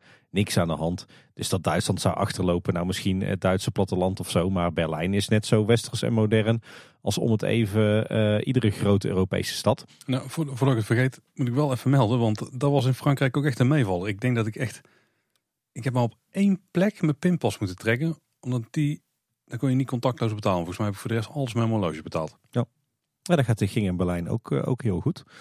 Ja, wat trouwens ook wel een aangename verrassing was. Nou, nou wijken we helemaal af van het concept dat we gingen vertellen wat we hebben gedaan. Maar goed, uh, dus, uh, zo gaat het af en toe bij Kleine Boodschap en bij de buitenwereld. Dit was voor het eerst in een hele lange tijd dat ik ergens op vakantie was waar het goedkoper was dan in Nederland. In Berlijn? Ja, in Berlijn was het beduidend. Maakt niet uit wat het was. De boodschappen, uh, de toeristische attracties. Nou, wat koop je allemaal nog meer op een, op een vakantie? het was allemaal gewoon net een tikkie goedkoper dan in Nederland. Oh, in Berlijn? Ja. En ik ben eigenlijk gewend vanuit heel veel eerdere reizen, met name natuurlijk in Scandinavië, dat het allemaal licht tot fors duurder is dan thuis. Maar hier was alles goedkoper. Dus dat was oh. echt een, een hele aangename verrassing. Nou, bij ons was het nadeel dat we dus diesel moesten tanken, want dat was eigenlijk niet heel veel goedkoper dan in Nederland. Behalve in Andorra. Daar scheelde het uh, ruim 50 cent per liter volgens mij. Rij je op diesel, Paul? Ja, dat is de enige waar ze die campers in maken. Hè? ik ben, ik ben uh, de laatste maanden aardig uh, vaak geshamed over het feit dat wij met het vliegtuig naar Berlijn gingen. Nou, inmiddels weet je waarom, daar hadden wij een goede reden voor. Maar nou, nou voel ik me toch iets minder schuldig. Ja, het stom is, we hadden dus in, bijvoorbeeld een vliegtuig naar Nice kunnen pakken of naar Monaco. En dan waren we hetzelfde geld kwijt geweest. En dat vliegtuig vloog toch al. Dus misschien niet de insteek die je moet hebben. Maar goed, uh, jij wilde weten wat, uh, wat, wat hebben we gedaan bij The Germans in Berlin. Uh, nou, onze eerste dag, wat was het? ik denk dat we om vier uur tot de taxi werden afgegooid aan de Broenenstrasse. Ja, wat doe je dan? Je kent het wel, hè? even de kids laten wennen aan het appartement, uitpakken, ieder zijn eigen slaapkamer kiezen. Alhoewel dat die dan gedurende de vakantie nog zes keer zijn gewisseld natuurlijk. Ik zeg ook altijd, ik heb deze vakantie eh, iedere dag bij een andere vrouw in bed gelegen. Doet het ook altijd leuk op feesten en partijen. Uh, maar uh, ja, dat hebben we verder nog gedaan. Even gauw de, de buurt verkend. Wat trouwens zo heel tof was, is de Broenenstrasse was dus zo'n prachtige Duitse brede straat. Echt zo'n allee, weet je wel. En met een prachtige zichtlijn op de Fernsehturm de uh, televisietoren van Berlijn. Je kent het wel, dat, ja, dat, dat zie je overal. Hè. Dat is mm. natuurlijk een, een, een, icoon in de skyline van uh, Berlijn. En daar hadden wij prachtig uitzicht op, want de Broenenstrasse liep ook zo richting het centrum mooi naar beneden. Met in de verte uh, de toren. En onze jongste die, die noemde het meteen het bolletje. Dus het ging de hele vakantie ging het over het bolletje. we hebben nu thuis ook een klein bolletje staan. Maar dat was dus de Fernsehturm. We hebben het in de kast staan. De beschuitjes. Van bolletje. ja, die zijn denk ik iets uh, beter verteerbaar dan dit bolletje. Oh ja, dat denk ik wel. Uh, dus zijn, en we zijn even naar die mooie supermarkt uh, gelopen, even inkopen gedaan voor de eerste avond en de volgende ochtend. En daarna lekker met de meiden gegeten bij een hele toffe burgertent. Echt zo'n alternatieve donkere burgertent, weet je wel. Waar lekker nog werd geflamegrilled en waar je alles huisgemaakt en vegan. En nou goed, je kent het wel beetje een duistere tent. Nou ja, het grappige was eigenlijk, het was echt in zo'n zo'n pand van rond 1900. Dus echt met van die Jugendstil decoratie. Maar er zaten dus overal nog kogelgaten in de muur. Maar daar bleek dus nog restanten te zijn van de bevrijding van Berlijn uh, aan het eind van de Tweede Wereldoorlog. Daar vond je overal in Berlijn vond je daar nog restanten van terug. En hierin bijvoorbeeld ook zo'n prachtige Jugendstilspiegel. Maar er zaten ook nog allemaal kogelgaten in. Ja, dat was stiekem toch wel vet. Maar uh, lekker gegeten dus. Sowieso eigenlijk uh, de hele vakantie in Berlijn. Iedere avond gewoon uit eten geweest met de kids. Wel iedere keer een beetje laagdrempelige eetgelegenheden proberen te kiezen. Want ja, dat werkt ook beter met kinderen. Ja. maar ik hoor ook heel veel mensen om me heen roepen. Ja, je gaat toch niet uit eten met kinderen op vakantie? Nou, ik kan je vertellen, kan prima. Het is gewoon een kwestie van gewoon doen en dan komt het wel goed. Uh, en daarna nog uh, bij een heel tof tentje terechtgekomen waar ze van die, uh, ja, van die kurkentrekkers maakten. Je kent het wel, de, de baumstriezels, de... Uh, die dingen, ja. de chimney cakes. chimney cakes, ja. Alleen hadden ze daar echt iets van 90 verschillende smaken. Dus dat was ook tof. En nou, daarna was het natuurlijk allemaal compleet afgebrand naar bed. en onze allereerste volle dag in Berlijn Paul, als je me een beetje kent, dan kan je het al wel voorspellen. Ik weet het. Oh, wacht. Oeh, nee, wacht. Oeh, er zijn twee opties. Oeh, wacht even. eerste dag wel een dierentuin, denk ik. Ja, ja, inderdaad. Het is ook weer een van die vaste tradities. Uh, noemen gerust uh, licht autistisch. Maar nee, wat voor ons heel goed werkt op, op citytrips is de eerste volle dag. Uh, even aarden en even tot rust komen in een pretpark of dierentuin. Uh, voor veel mensen zal het raar overkomen. Want ik denk niet dat heel veel mensen tot rust komen in een pretpark. Maar uh, voor ons en onze kinderen geldt dat uh, absoluut. Niks zo prikkelarm als een, als een groot pretpark of een grote dierentuin. maar Berlijn heeft natuurlijk geen pretpark. Hadden ze ooit wel, Spreepark. Dat is zo'n zo'n verlaten pretpark waar je ook nog kunt urban exploren. Je, je kent waarschijnlijk de foto's wel. stond bij ons een beetje op het reservelijstje, maar dat is er helaas niet meer van gekomen. Dus we zijn niet in Spreepark geweest. Sorry Arthur. Uh, maar we zijn inderdaad uh, de eerste volle dag in Berlijn naar de dierentuin geweest. Oh, de uh, dierentuin zeg je, want ik weet inmiddels beter Tim. Ja, inderdaad. dat zei ik een beetje bewust. Want wat blijkt, Berlijn heeft twee grote dierentuinen. Ja. en daar zijn ze best wel uniek in, want dat vind je eigenlijk verder nergens. Dat er twee, twee grote dierentuinen in één stad te vinden zijn. En ja, Paul, hoe kan dat nou? Ja, dat heeft denk ik te maken met onder andere die muur die er ooit heeft gelopen. Precies. deze eerste dag gingen we naar de originele dierentuin van uh, Berlijn, Berlin Zoo of de Zoologische Garten. Wat maakt dat de originele dierentuin dan? Nou, dat is een hele oude dierentuin. Volgens mij uit ergens rond 1840. Oh ja, ja. Een van de alleroudste dierentuinen ter wereld. Volgens mij is zo'n beetje alleen die in Wenen nog ouder, in Schönbrunn. En je hebt nog een tweede dierentuin, Tierpark. En die lag, of ligt in het, het voormalige Oost-Berlijn. En inderdaad, het is die ja, zeg maar die koude oorlog, die strijd tussen Oost en West, uh, tussen Oost en West Berlijn geweest. Dat maakte dat je in deze stad dus twee met elkaar concurrerende dierentuinen uh, had. Die, ja, als de ene een uitbreiding uh, deed, dan wilde de andere dat ook. En zo hebben ze eigenlijk elkaar groot geconcurreerd. Maar tijdens ons vorige bezoek aan Berlijn, twaalf jaar geleden, hadden we natuurlijk niet de tijd ervoor om twee grote dierentuinen te bezoeken. Toen wisten we dat trouwens ook nog niet. Uh, maar dan heb ik daarna aardig uh, van op mijn kop gekregen. Onder meer van de collega's van Zoo Site, de dierentuin podcast. Uh, dat er dus werkelijk twee grote dierentuinen in Berlijn zijn. En dat je die ook echt allebei moet bezoeken. Maar deze eerste dag was het dus de beurt aan Berlin Zoo. de dierentuin van West-Berlijn. Ja, en dat was echt een, een heerlijke dierentuin echt zo'n ouderwetse stadsdierentuin. Hè. Je kan hem best een beetje uh, plaatsen in het rijtje van bijvoorbeeld uh, Artis in Amsterdam en uh, de Zoo van Antwerpen. Daar, je, moet, je moet echt denken aan zo'n soort stadsdierentuin. Alleen dan echt tien keer groter. Die dierentuin is echt enorm. maar dus heel veel oude dierenverblijven, vaak nog ja, een beetje gethematiseerd, weet je wel, in het Orientalisme. lange lanen met bloemperken erlangs, heel veel standbeelden, heel veel fonteintjes echt zo'n klassieke oude stadsdierentuin met ja, prachtige oude gebouwen natuurlijk. Een hele grote collectie. Ze hebben echt nou, een soort verzameldrift. Uh, die, die zie ik in geen enkele andere dierentuin. Zo ontzettend veel verschillende diersoorten. En ook alle apensoorten op een rij. Alle katachtige op een rij. Ze hebben het allemaal. Uh, maar wat toch ook wel goed is om te zien, hè, ze blijven daar niet in hangen in dat oude. Ze doen ook wel heel veel aan vernieuwing. Hè. Zo hebben ze bijvoorbeeld ook recent een prachtig pandaverblijf geopend. Ze hebben het verblijf van de katachtige hebben ze prachtig opgeknapt en gerenoveerd met een, een nachtdierenhuis erin. Uh, de horeca is tiptop in orde. Uh, prachtige, uitdagende en enorme speeltuin voor de kids. ja, het is gewoon echt een joekel van een dierentuin waar je gewoon ja, eigenlijk alles wat je tegen kan komen in de dierentuinwereld, dat vind je daar. En er wordt ook nog steeds volop gebouwd aan allerhande nieuwe uitbreidingen. Maar nee, het is met name denk ik echt dat, dat gevoel van echt zo'n ouderwetse stadsdierentuin. Maar dan tien keer groter dan je gewend bent. Voelt het dan niet heel... Uh, tenminste, ik neem aan dat heel veel van die dieren in uh, losse verblijven of in eigen verblijven zitten. Voelt het dan niet heel erg op elkaar gepropt of zo? Of? Ja, ja, heel veel van die uh, verblijven waren van oudsher natuurlijk hokje, raampje, hokje, raampje, hokje, raampje, hokje, raampje. Zo, zo ken je ze waarschijnlijk nog wel. Her en der in, in Nederland, België vind je ook nog wel wat van die oude verblijven. Alhoewel, vaak krijgen ze hier dan toch een andere functie. Dat was hier nog wel. Alhoewel je wel ziet dat de dierentuin die hier uh, ook langzaam maar zeker wel uh, een andere bestemming begint te geven. Uh, dus vaak worden dan verblijven samengevoegd of er wordt een kleinere diersoort ingezet. of ze bouwen er een deel aan of het wordt omgevormd tot een soort indoor jungle waar je dan nog wat dieren vindt. Dus, dus daar zijn ze wel echt aan, aan het werken. Maar het is, nou, het, is, het is een enorme dierentuin die ook echt helemaal vol zit met, met dierenverblijven. Dus ja, je moet echt je best doen om alles te zien in een dag.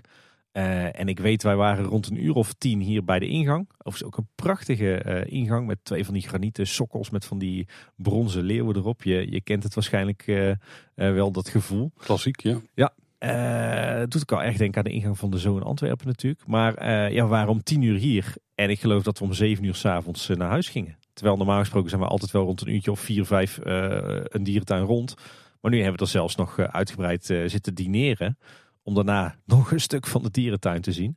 En we zijn echt pas met, met sluitingstijd naar huis gegaan. En ja, toen hebben we een heel groot deel van de dierentuin uh, gezien in die negen uur. Maar dat was, uh, dat was nog haasten. Klinkt als een toffe dierentuin. Ja, dat was het zeker. En sowieso uh, heerlijk geluncht. een echte Berlijnse currywoerst op. Op de ouderwetse manier klaargemaakt. Tot uh, walging van Anne trouwens. Uh, maar ook uh, de kinderen lekker volop laten spelen in de speeltuinen. En ook heerlijk gedineerd. Dus het was echt een, een topdag met alles erop en eraan. Ja, echt ontzettend van genoten van deze dierentuin weer. Ja, Paul, en dan ga ik, ga ik weer kijken in hoe, hoe jij mij kent na vijf jaar podcast maken. Want de dag erna was onze tweede volle dag in Berlijn. En waar was het toen tijd voor? Ja, dat was eigenlijk de eerste optie die ik net in mijn hoofd had, maar dat was dan de stadswandeling. Ja, goed zo. Je gaat door de, de koelkast. Uh, ja, die hebben we al eentje, maar doe er maar één. ja, nee, inderdaad. En uh, een stadswandeling uh, klinkt misschien lichtjes saai of niet heel erg geschikt met de jonge kinderen. Maar we proberen er altijd wat moois van te maken, zowel voor de kids als voor ons. Een gevleugelde uitspraak is natuurlijk, als de kinderen het maar naar hun zin hebben, dan de ouders ook. Maar wij draaien hem altijd om. Als wij het naar ons zin hebben, dan vinden de kinderen het ook prima. En uh, eigenlijk geldt allebei wel voor, uh, voor onze reizen en voor de stadswandelingen. Uh, nee, deze dag hebben we eigenlijk vooral een stadswandeling gemaakt in het voormalige West-Berlijn. En die stond eigenlijk zonder dat dat de bedoeling was, toch wel heel erg in het teken van Oost- en West-Berlijn en de Berlijnse muur. Uh, we zijn s ochtends natuurlijk na, de, de wandeling naar de supermarkt en het ontbijt. Uh, zijn we eigenlijk begonnen bij ons appartement. Dat was wel een verrassing, want dat hadden we helemaal niet op ons verlanglijstje staan. Maar ja, je komt er dan dus uh, aan het begin van je vakantie achter dat je appartement op zo'n bijzondere historische plek ligt. Ja, en dat, dan ga je toch een heel andere wandeling maken. Want we zijn eigenlijk s ochtends in het zonnetje begonnen in het, het park van de Berlijnse muur. Wat ik al zei, er, liep natuurlijk tussen Oost- en West-Berlijn vanaf de jaren 60 een, een, muur. Maar dat was meer dan een betonnen muur alleen. Want uh, aan de kant van Oost-Berlijn lag daar eigenlijk nog een, heel, ja, een hele zone met, uh, met prikkeldraad, met wachttorens, met landmijnen, met, uh, met braak, braakliggende stukken grond waar die aangeharkt waren, zodat je kon zien of er mensen doorheen waren gelopen. Dat was echt een enorm brede strook. Die liep door de hele stad heen. Daar hebben de, de, de Oost-Duitsers echt een berg gebouwen voor gesloopt. Maar ja, toen viel de muur. En toen zaten ze ineens niet alleen met een muur die ze moesten opruimen, uh, maar ook met een enorme strook die zich door de stad, uh, dwars door de binnenstad van Berlijn uh, liep. En ja, je ziet dat ze daar verschillende dingen mee hebben gedaan. dat is wel heel grappig. Als je er een beetje oog voor hebt, dan, dan, dan heb je dat wel door. En dan is het ook best wel fascinerend. Want die strook die loopt dus door de hele stad. En op een aantal plekken hebben ze daar uh, nieuwbouw neergezet. Dus dan zie je ineens in de historische architectuur van Berlijn... zie je ineens een sliert van moderne architectuur. Uh, op een aantal plekken, en dat vind ik eigenlijk nog het leukste... is het nog steeds een griebenzooi... zoals het waarschijnlijk in 1989 is achtergelaten. dus ja, een beetje hoog opstaand gras, wat oude hekken en wat graffiti. En op een aantal plekken in de stad hebben ze die groene strook, eigenlijk die, hè, die, die zone van de Berlijnse hebben ze ingericht als park. En dus ook bij ons langs het appartement. En uh, ja, dat liep eigenlijk, nou ja, volgens mij voor één of twee kilometers door. En ja, dat was dat park, dat noemen ze Gedenkstätte Berliner Mauer. En dat komt omdat dat eigenlijk ja, een van de weinige plekken is in Berlijn waar je die Berlijnse muur nog echt daadwerkelijk kunt zien zoals die was. Uh, dus van die, van die verboden zone hebben ze eigenlijk gewoon een mooi stadpark gemaakt. Met gras en boompjes en wandelpaden.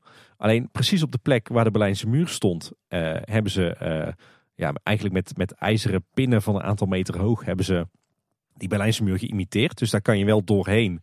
Maar het voelt wel echt als een muur. En op een heel aantal plekken in die, in die zone staat er ook nog daadwerkelijk de originele Berlijnse muur. En ja, daar vind je allerlei monumentjes. Uh, uh, dus inderdaad de Berlijnse muur zelf, wat natuurlijk heel fascinerend is om te zien. Uh, maar ze hebben er ook funderingen blootgegraven van huizen die daar voorheen stonden. Maar die dus zijn gesloopt voor de bouw van die Berlijnse muur. Er is zelfs een kerk opgeblazen om die muur neer te kunnen zetten. Daar zie je restanten van. En er is zelfs een, een, een heel afgezet gedeelte waar ze die zone dus nog zo hebben gelaten. Zoals in de jaren tachtig. Dus er staat een enorme kortenstalen wand omheen. En binnen dat, uh, dat gebiedje, daar heb je nog echt die wachttorens, prikkeldraad, de, die, die dode zone. Echt heel bizar om te zien. Uh, dus we hebben eigenlijk de wandeling gemaakt door dat park.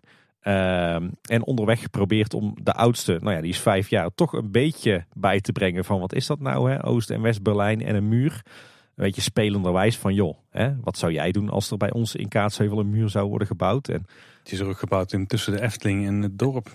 Ja, precies. Ik weet niet of dat nou een heel treffende vergelijking is, Paul. Er is ook een soort uh, doodmansgebied tussen. ja. Robeland, mag ja, precies. Niet, uh, niet, komen. Nee, vooral als je op de verkeerde rijstrook zit natuurlijk.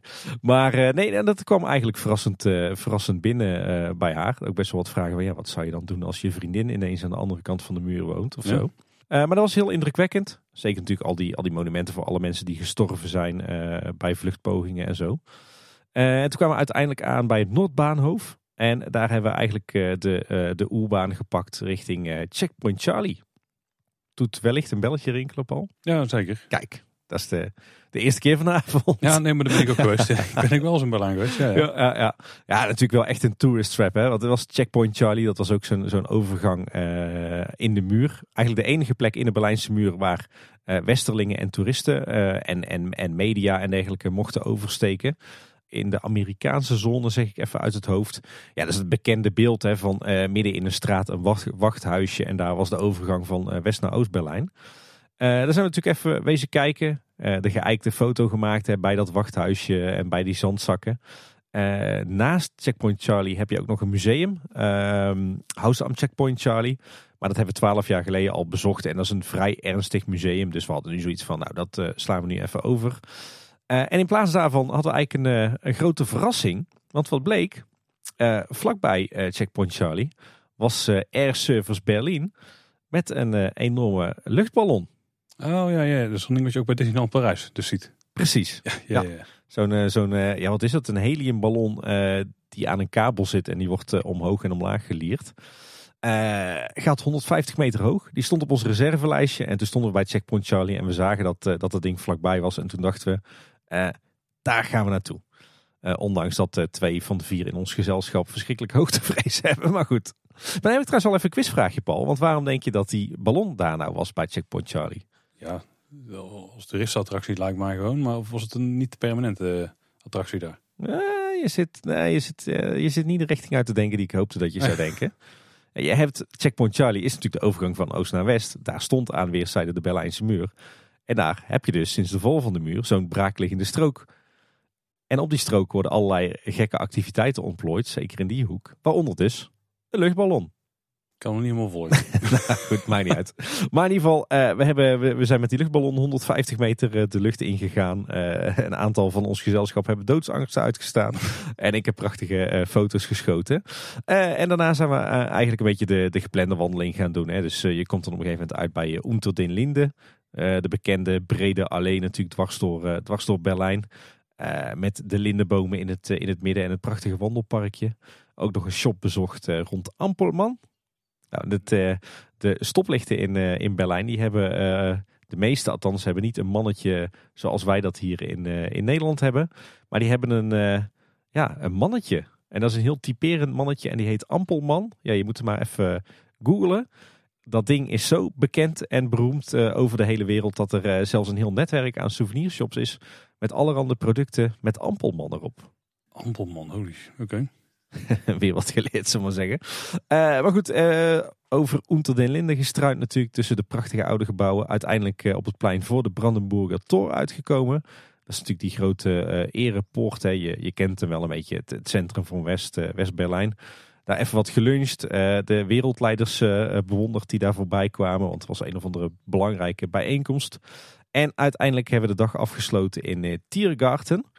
En nu komt een beetje een instinker. Want ondanks dat je zou denken dat Tiergarten de tweede dierentuin van Duitsland is. Is het dat dus niet. Want Tiergarten is echt een enorm stadspark. Je moet je dan echt een beetje Central Park in Londen voorstellen. Weet je, dat formaat heeft het. En het is ook echt zo'n groene long midden in Berlijn.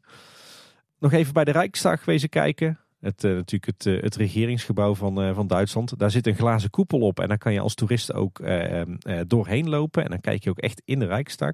Wilden we eigenlijk ook doen. Maar het bleek dat dat al dagen op voorhand volgeboekt zat. Dus dat viel helaas van het, het lijstje af. Maar natuurlijk wel even bij de Rijksdag gekeken. En uiteindelijk de middag besteed in Tiergarten. Gewoon heerlijk gewandeld door, door dat mooie groene park. Langs verschillende monumenten. Uh, over mooie laantjes uh, langs parkjes en natuurlijk ook uh, nog een, een speeltuintje aangetikt. En uiteindelijk rond een uurtje of vier teruggewandeld naar de Brandenburger Tor. Daar de, de S-baan, dus zeg maar het hoogspoor door de stad naar Houtbaanhof gepakt. En daar nog even heerlijk gegeten bij de Vapiano's in het station. Over zo'n prachtig modern gebouw. Wat natuurlijk pas gebouwd kon worden na de, de eenwording van, van Berlijn. Dus dat is een, een super groot en modern station. daar ook lekker gegeten en uiteindelijk moe en voldaan naar, uh, terug naar Bernauerstrasse.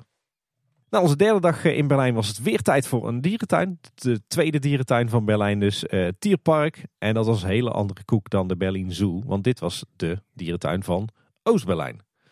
Nou, best een eindje rijden, want hij ligt nou, niet, heel, niet per se in het stadscentrum. Wel nog in de stad Berlijn, maar eigenlijk een beetje buiten die ring om het centrum heen. Uh, dus de metro gepakt, eerst naar Alexanderplatz en daarna door naar, de, uh, naar Tierpark, die uh, een eigen metrostation heeft. Dus je stapt dan uit de metro eigenlijk vlak voor de ingang van het, het dierenpark. je staat dan trouwens voor je gevoel echt ineens in een hele andere wereld. want je bent dan echt in, in de DDR, in, in Oost-Berlijn. Dus met al die betonnen flatgebouwen. En ja, dat voelt dan meteen heel anders dan West-Berlijn. nou, het Tierpark is ook een, echt een ja, bizarre dierentuin. Uh, ze zeggen zelf dat het uh, de grootste dierentuin van Europa is. Nou, dat geloof ik meteen. Maar ja, ik, moet zeggen, ik heb ontzettend veel dierentuinen gezien in mijn leven. Maar dit was echt een van de meest bizarre dierentuinen die ik ooit heb bezocht. En dan mag je wel haar van uitleggen waarom dan. Daar ben ik wel benieuwd. Er zitten een heleboel dingen. Sowieso, het ding is echt extreem groot. Volgens mij hebben ze er een sport van gemaakt om uh, de dierentuin in West-Berlijn af te troeven. Want het oppervlakte van het ding is echt gewoon immens. We hebben kilometers, kilometers, kilometers gelopen hier deze dag. Ik heb ook echt letterlijk uh, de blaren op mijn voeten gelopen hier. In deze dierentuin is me de rest van de vakantie niet gebeurd, maar hier dus wel. Uh, en hij is gewoon enorm uitgestrekt. Heel erg bosachtig. Je kan soms uh, honderden meters lopen in een bosgebied. met een asfaltpaadje en van die centerparkslantaarntjes ernaast. Dat je echt denkt van ben ik nou in de dierentuin of loop ik hier in een stadsbos? Maar dat, dat is dus allemaal in die dierentuin. Enorm veel diersoorten ook hier weer met enorme vlaktes. Het voelt ook op plekken heel erg als een wildpark in plaats van als een dierentuin. Uh, maar dan, dan vind je er ook weer echt van die ja, typische jaren 60, 70, 80 verblijven. Weet je wel, echt van die oude betonnen bakken. Uh, je vindt er heel veel DDR-architectuur. Nou, ik heb jou wat foto's gestuurd, Paul, van een aantal restaurants in dit park. ja, het is echt ja, het is uh, echt van, van die brutalistische betonnen architectuur, architectuur, weet je wel. Dat je echt denkt van het is kitsch, het is lelijk, maar tegelijkertijd is het ook weer mooi van lelijkheid. En ja, ook dingen als uh, je kunt er een gok, een soort loterij spelen. Uh, er rijdt een soort dieseltreintje rond. de mascotte is, is een of andere bij. ja, echt, het, het, het voelt op heel veel plekken voelt het een beetje aftans en oud. En wat je ziet is dat na de eenwording van Berlijn zijn die twee dierentuinen gaan samenwerken. En je ziet nu dat ook Tierpark op een aantal plekken uh, de boel is gaan moderniseren. Dus ze hebben bijvoorbeeld een oud apenhuis. Daar hebben ze een prachtige uh, indoor jungle van gemaakt met een Indonesisch thema. Uh, en dat hebben ze qua architectuur ook helemaal gerestaureerd. er zit een nieuwe speeltuin bij. ze hebben nu een Himalaya gebied. dat is echt van een, een, een schoonheid en een thematisering echt van een Paradise niveau. Dus aan de ene kant heb je hele mooie moderne stukken, maar de basis van die dierentuin ja, dat is echt wat je je bij een DDR-dierentuin zou voorstellen. Gewoon heel veel beton, uh, oud, uh, verlept, groot, veel groen. En ja, ja, weet je, ik ga daar gewoon heel hard op. er werd me ook de vraag gesteld, onder meer door de, de heren van Zoo Insight, van wat was nou je favoriet? Ja, ik denk dat de gemiddelde mens en de gemiddelde dierentuinbezoeker Berlin Zoo in het westen de voorkeur zal geven. Maar voor mij als ervaren dierentuinbezoeker, ja, was dat dierpark toch, toch met kop en schouders uh, boven alles uit. Gewoon omdat het zo'n bizarre dierentuin is. Ik ben er toch wel benieuwd geworden. Zeker dat je uit de Himalaya deel noemt. Uh, Oké. Ja. Als je daar trouwens meer over wil weten, dan uh, hebben we recent ook een podcast gemaakt samen met Adriaan van Zoo Insight. En daar vertelt niet alleen ik, maar ook Anne veel meer over beide dierentuinen. Ik vermoed namelijk dat wij, ik denk zelfs later dit jaar nog wel eens die kant op kunnen gaan. Oeh, nou dan zitten in deze podcast uh, zitten aardig wat, uh, wat tips, Paul.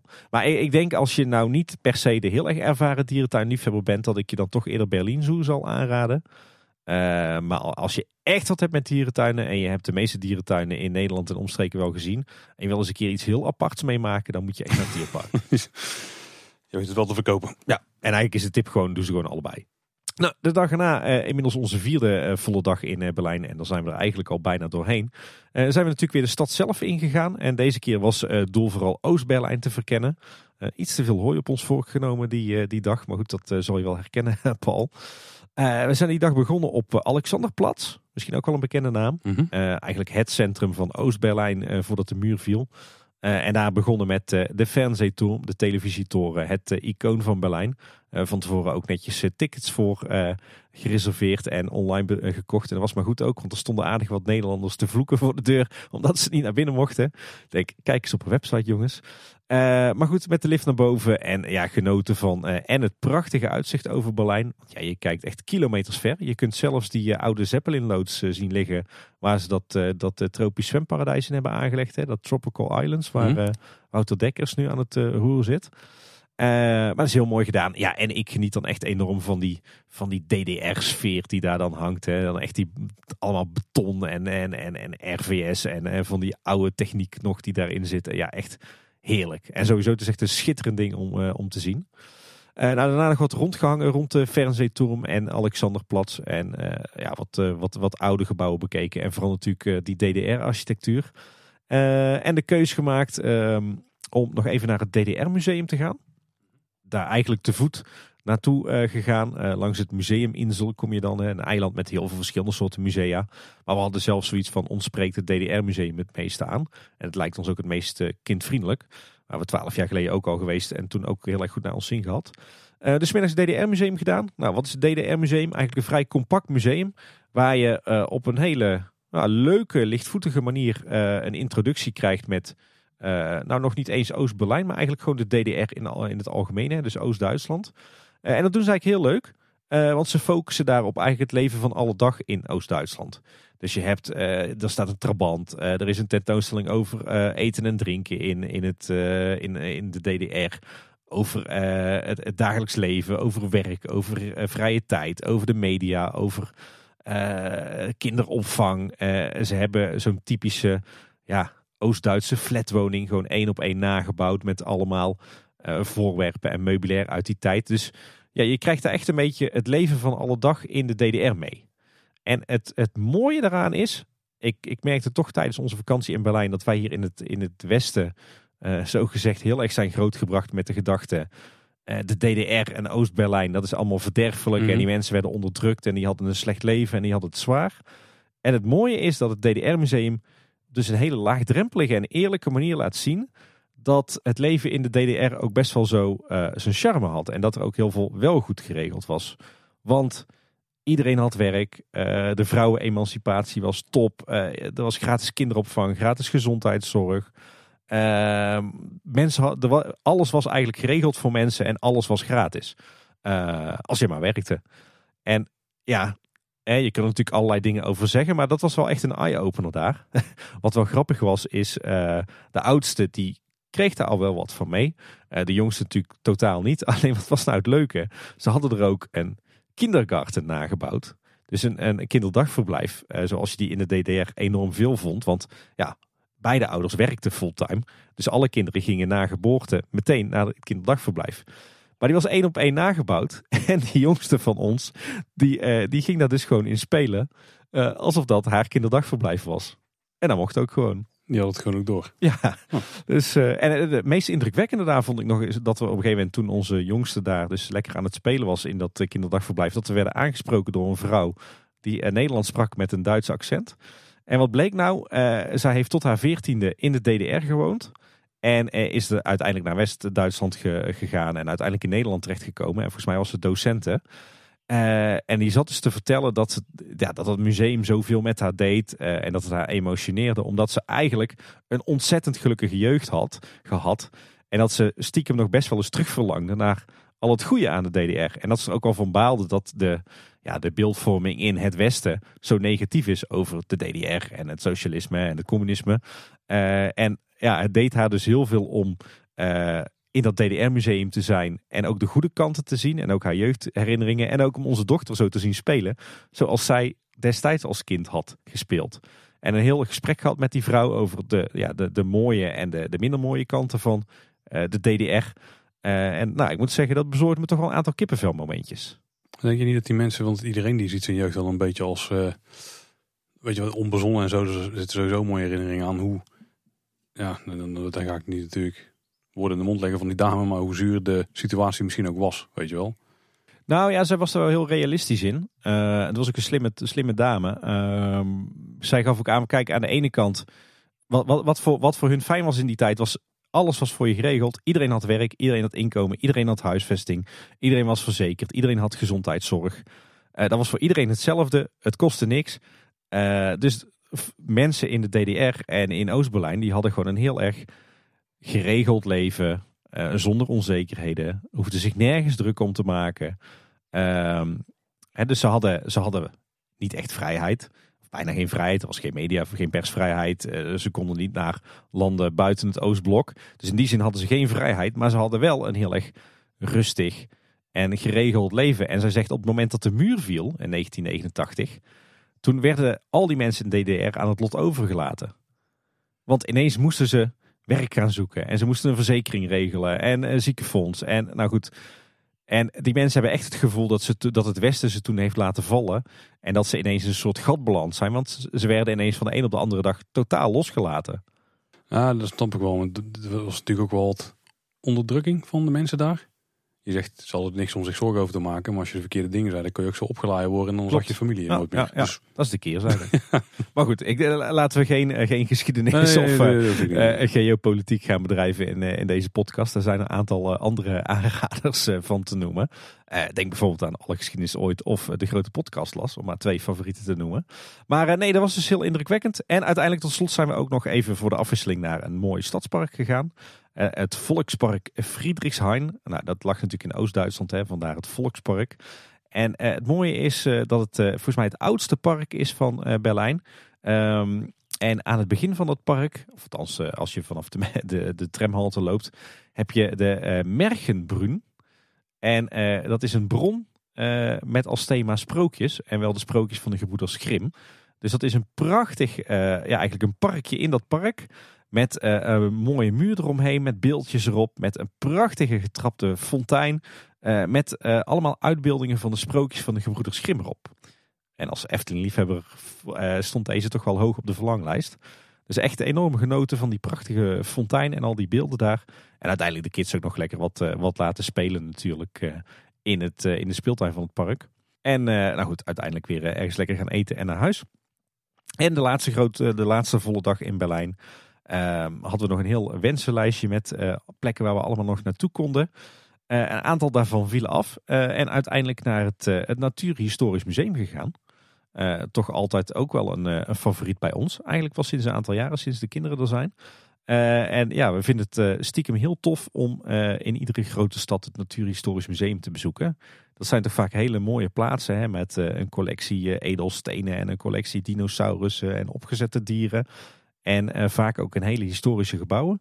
En dat was ook hier in Berlijn weer het geval. Een prachtig, uh, prachtig oud gebouw.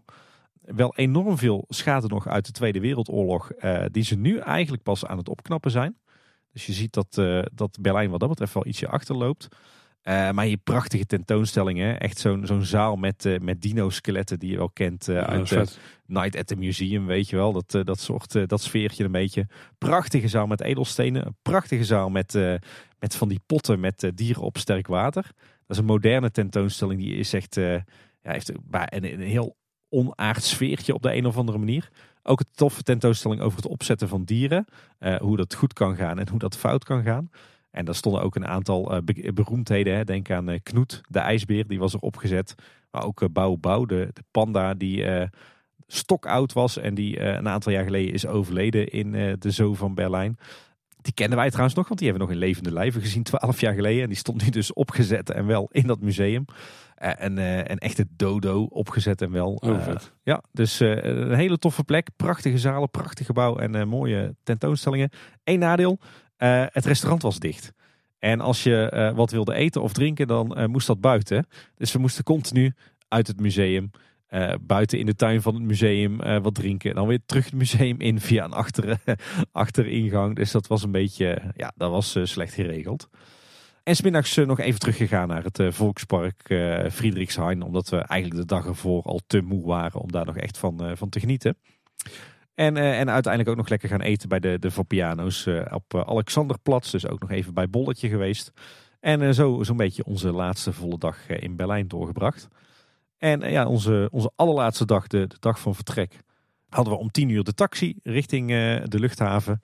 En dat gaf ons ochtends mooi de tijd om nog even lekker een verse koffie te halen, te ontbijten, in te pakken, het appartement schoon te maken. Gewoon even heel chill alle tijd hebben om naar huis te gaan.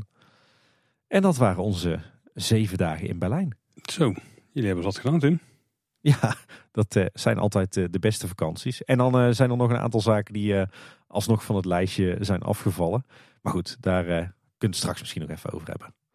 Maar ik ben nou wel heel erg benieuwd, Paul. dit was natuurlijk Berlijn in de notendop. wat hebben jullie allemaal gezien in Zuid-Frankrijk en Spanje? Nou, we zijn niet dus alleen in Zuid-Frankrijk geweest, want we moesten er ook nog naartoe. Dus we hebben ook onderweg nog wat dingen gecheckt toen we oh, erheen reden. Vertel, we zijn langs een paar uh, dorpjes uh, geweest. De eerste die de moeite van het noemen waard is, is denk ik, uh, ik weet, ik weet niet hoe het uitspreekt, maar B-E-A-U, dat is gewoon Bo, hè? Dat is Bo, ja. Dan was dit gewoon bonen. Oké. en waren het dan witte of bruine? Ja, ik heb geen idee, maar ik denk, ik denk dat je zo uitspreekt. Want dat is ook letterlijk hoe je het dan spelt. Um, nou, dat was een, een heel tof oud uh, dorpje met een uh, mooie ja, kern. Dus dat, er staat ook nog een uh, muur omheen met een park daaromheen. oude toffe straatjes. Om een of andere reden, we zijn volgens mij de eerste dagen, de eerste week, volgens mij hebben we iedere dag hebben we een marktje. zijn we tegengekomen, ook met heel veel okay. lokale producten en zo.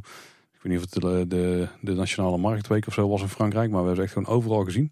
Ik zie trouwens hier op de kaart dat het een beetje tussen Nancy en Lyon gelegen is, bij Dijon in de buurt. Ja, zeker. En was je misschien ook opvalt, eh, strak langs de tolweg daar. Ja, want dat was een van de primaire eisen van alles wat we gingen bezoeken die eerste paar dagen. Een heel stuk zuidelijker, al bijna aan de kust, zijn we nog gestopt bij Avignon.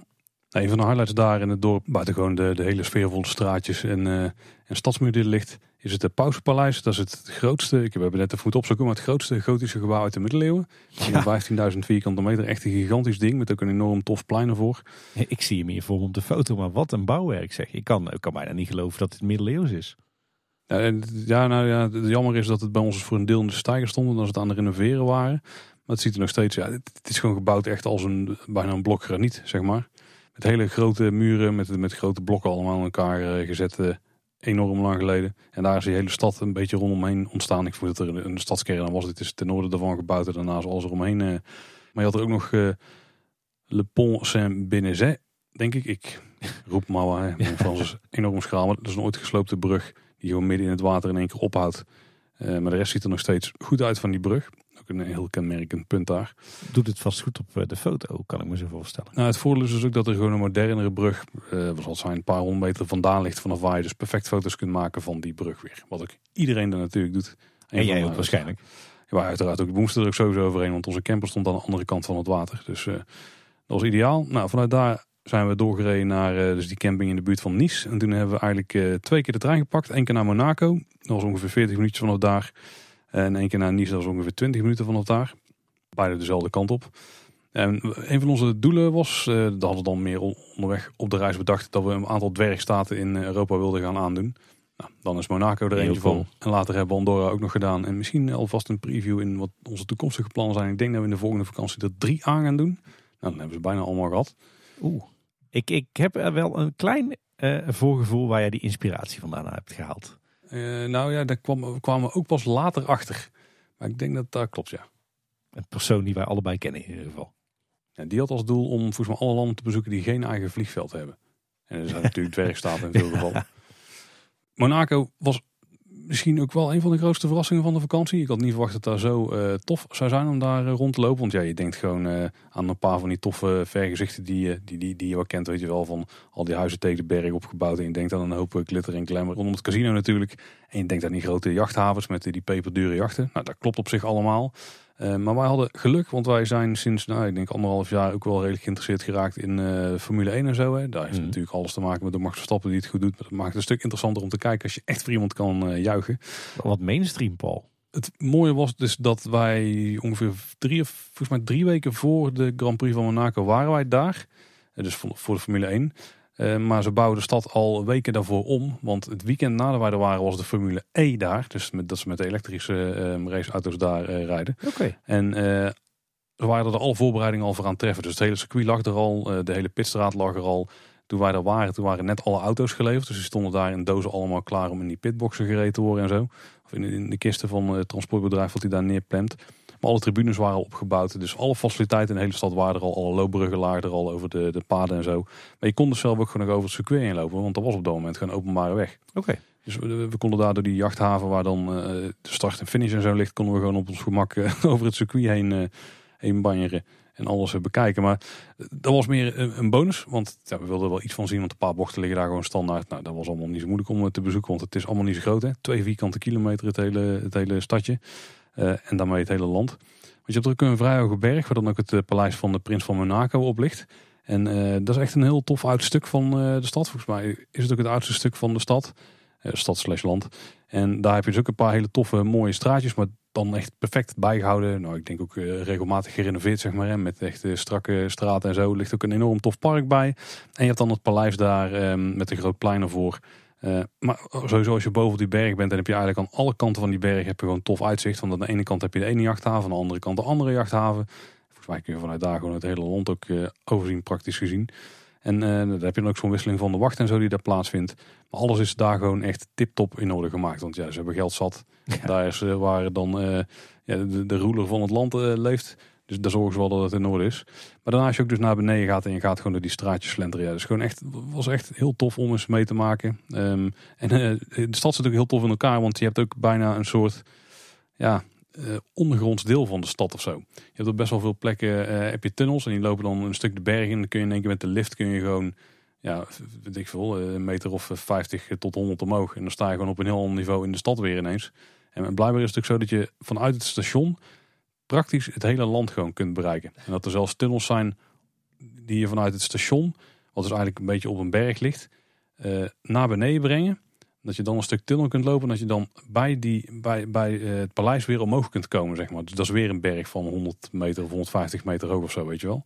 Dus echt uh, vrij, vrij bizar. Het cool in elkaar, maar je moet het wel weten. En wij wisten daar heel veel van niet. Daar kwamen we later pas achter. Dus wij hebben vooral veel gelopen. Het, het voelt voor mij een beetje als het, het Fantasialand onder de stadstaatjes. Ja, dat is exact hoe ik het zelf in mijn hoofd ook voorstel. Ja, ja dat klopt. Ja, ik lees hier dat het een oppervlakte heeft van twee vierkante kilometer. Ja, twee is zo klein? Ja. Ik kon het net, want ik zit jouw reis op Google Maps eh, te volgen. Dat is natuurlijk het, uh, het grote voordeel van, van zo'n roadtrip. Dat is natuurlijk super interessant om te zien welke route jullie hebben afgelegd. Ik kon Monaco al niet vinden, maar ik heb het inmiddels wel gevonden. Het is ik echt extreem klein. Ja. begreep van de mannen van Zoo Insight dat er ook een hele toffe dierentuin ligt in Monaco. Ja, die is volgens mij ook gratis, maar die was dicht toen wij er waren. Want zijn, we zijn bij de ingang geweest. Um, niet omdat we er per se heen wilden, maar toevallig kwamen langs en dacht ik, hey, hier is de dierentuin of dierenparkje. Je hebt sowieso heel veel openbare parken en uh, ook vrij veel openbare musea. En, er zijn ook wel dingen die, uh, waar je voor moet betalen, maar heel veel dingen zijn toch wel uh, gratis daar. Maar volgens mij waren wij net in een weekenddag, een zondag of zo, dat er wel het een en ander dicht was. Maar het casino is natuurlijk altijd open. Daar hoef je niet bang voor te zijn. Dus eigenlijk zou je kunnen zeggen, dat misschien wel de, de hoogste graad van vermakelijkheid per vierkante meter. Ja, die was daar echt extreem hoog. Ja, ik denk dat, ja, ik denk dat dat wel, wel aardig klopt. Alleen toch lastig om op heel veel plekken te komen, omdat er zoveel hoogteverschillen zijn. Mhm.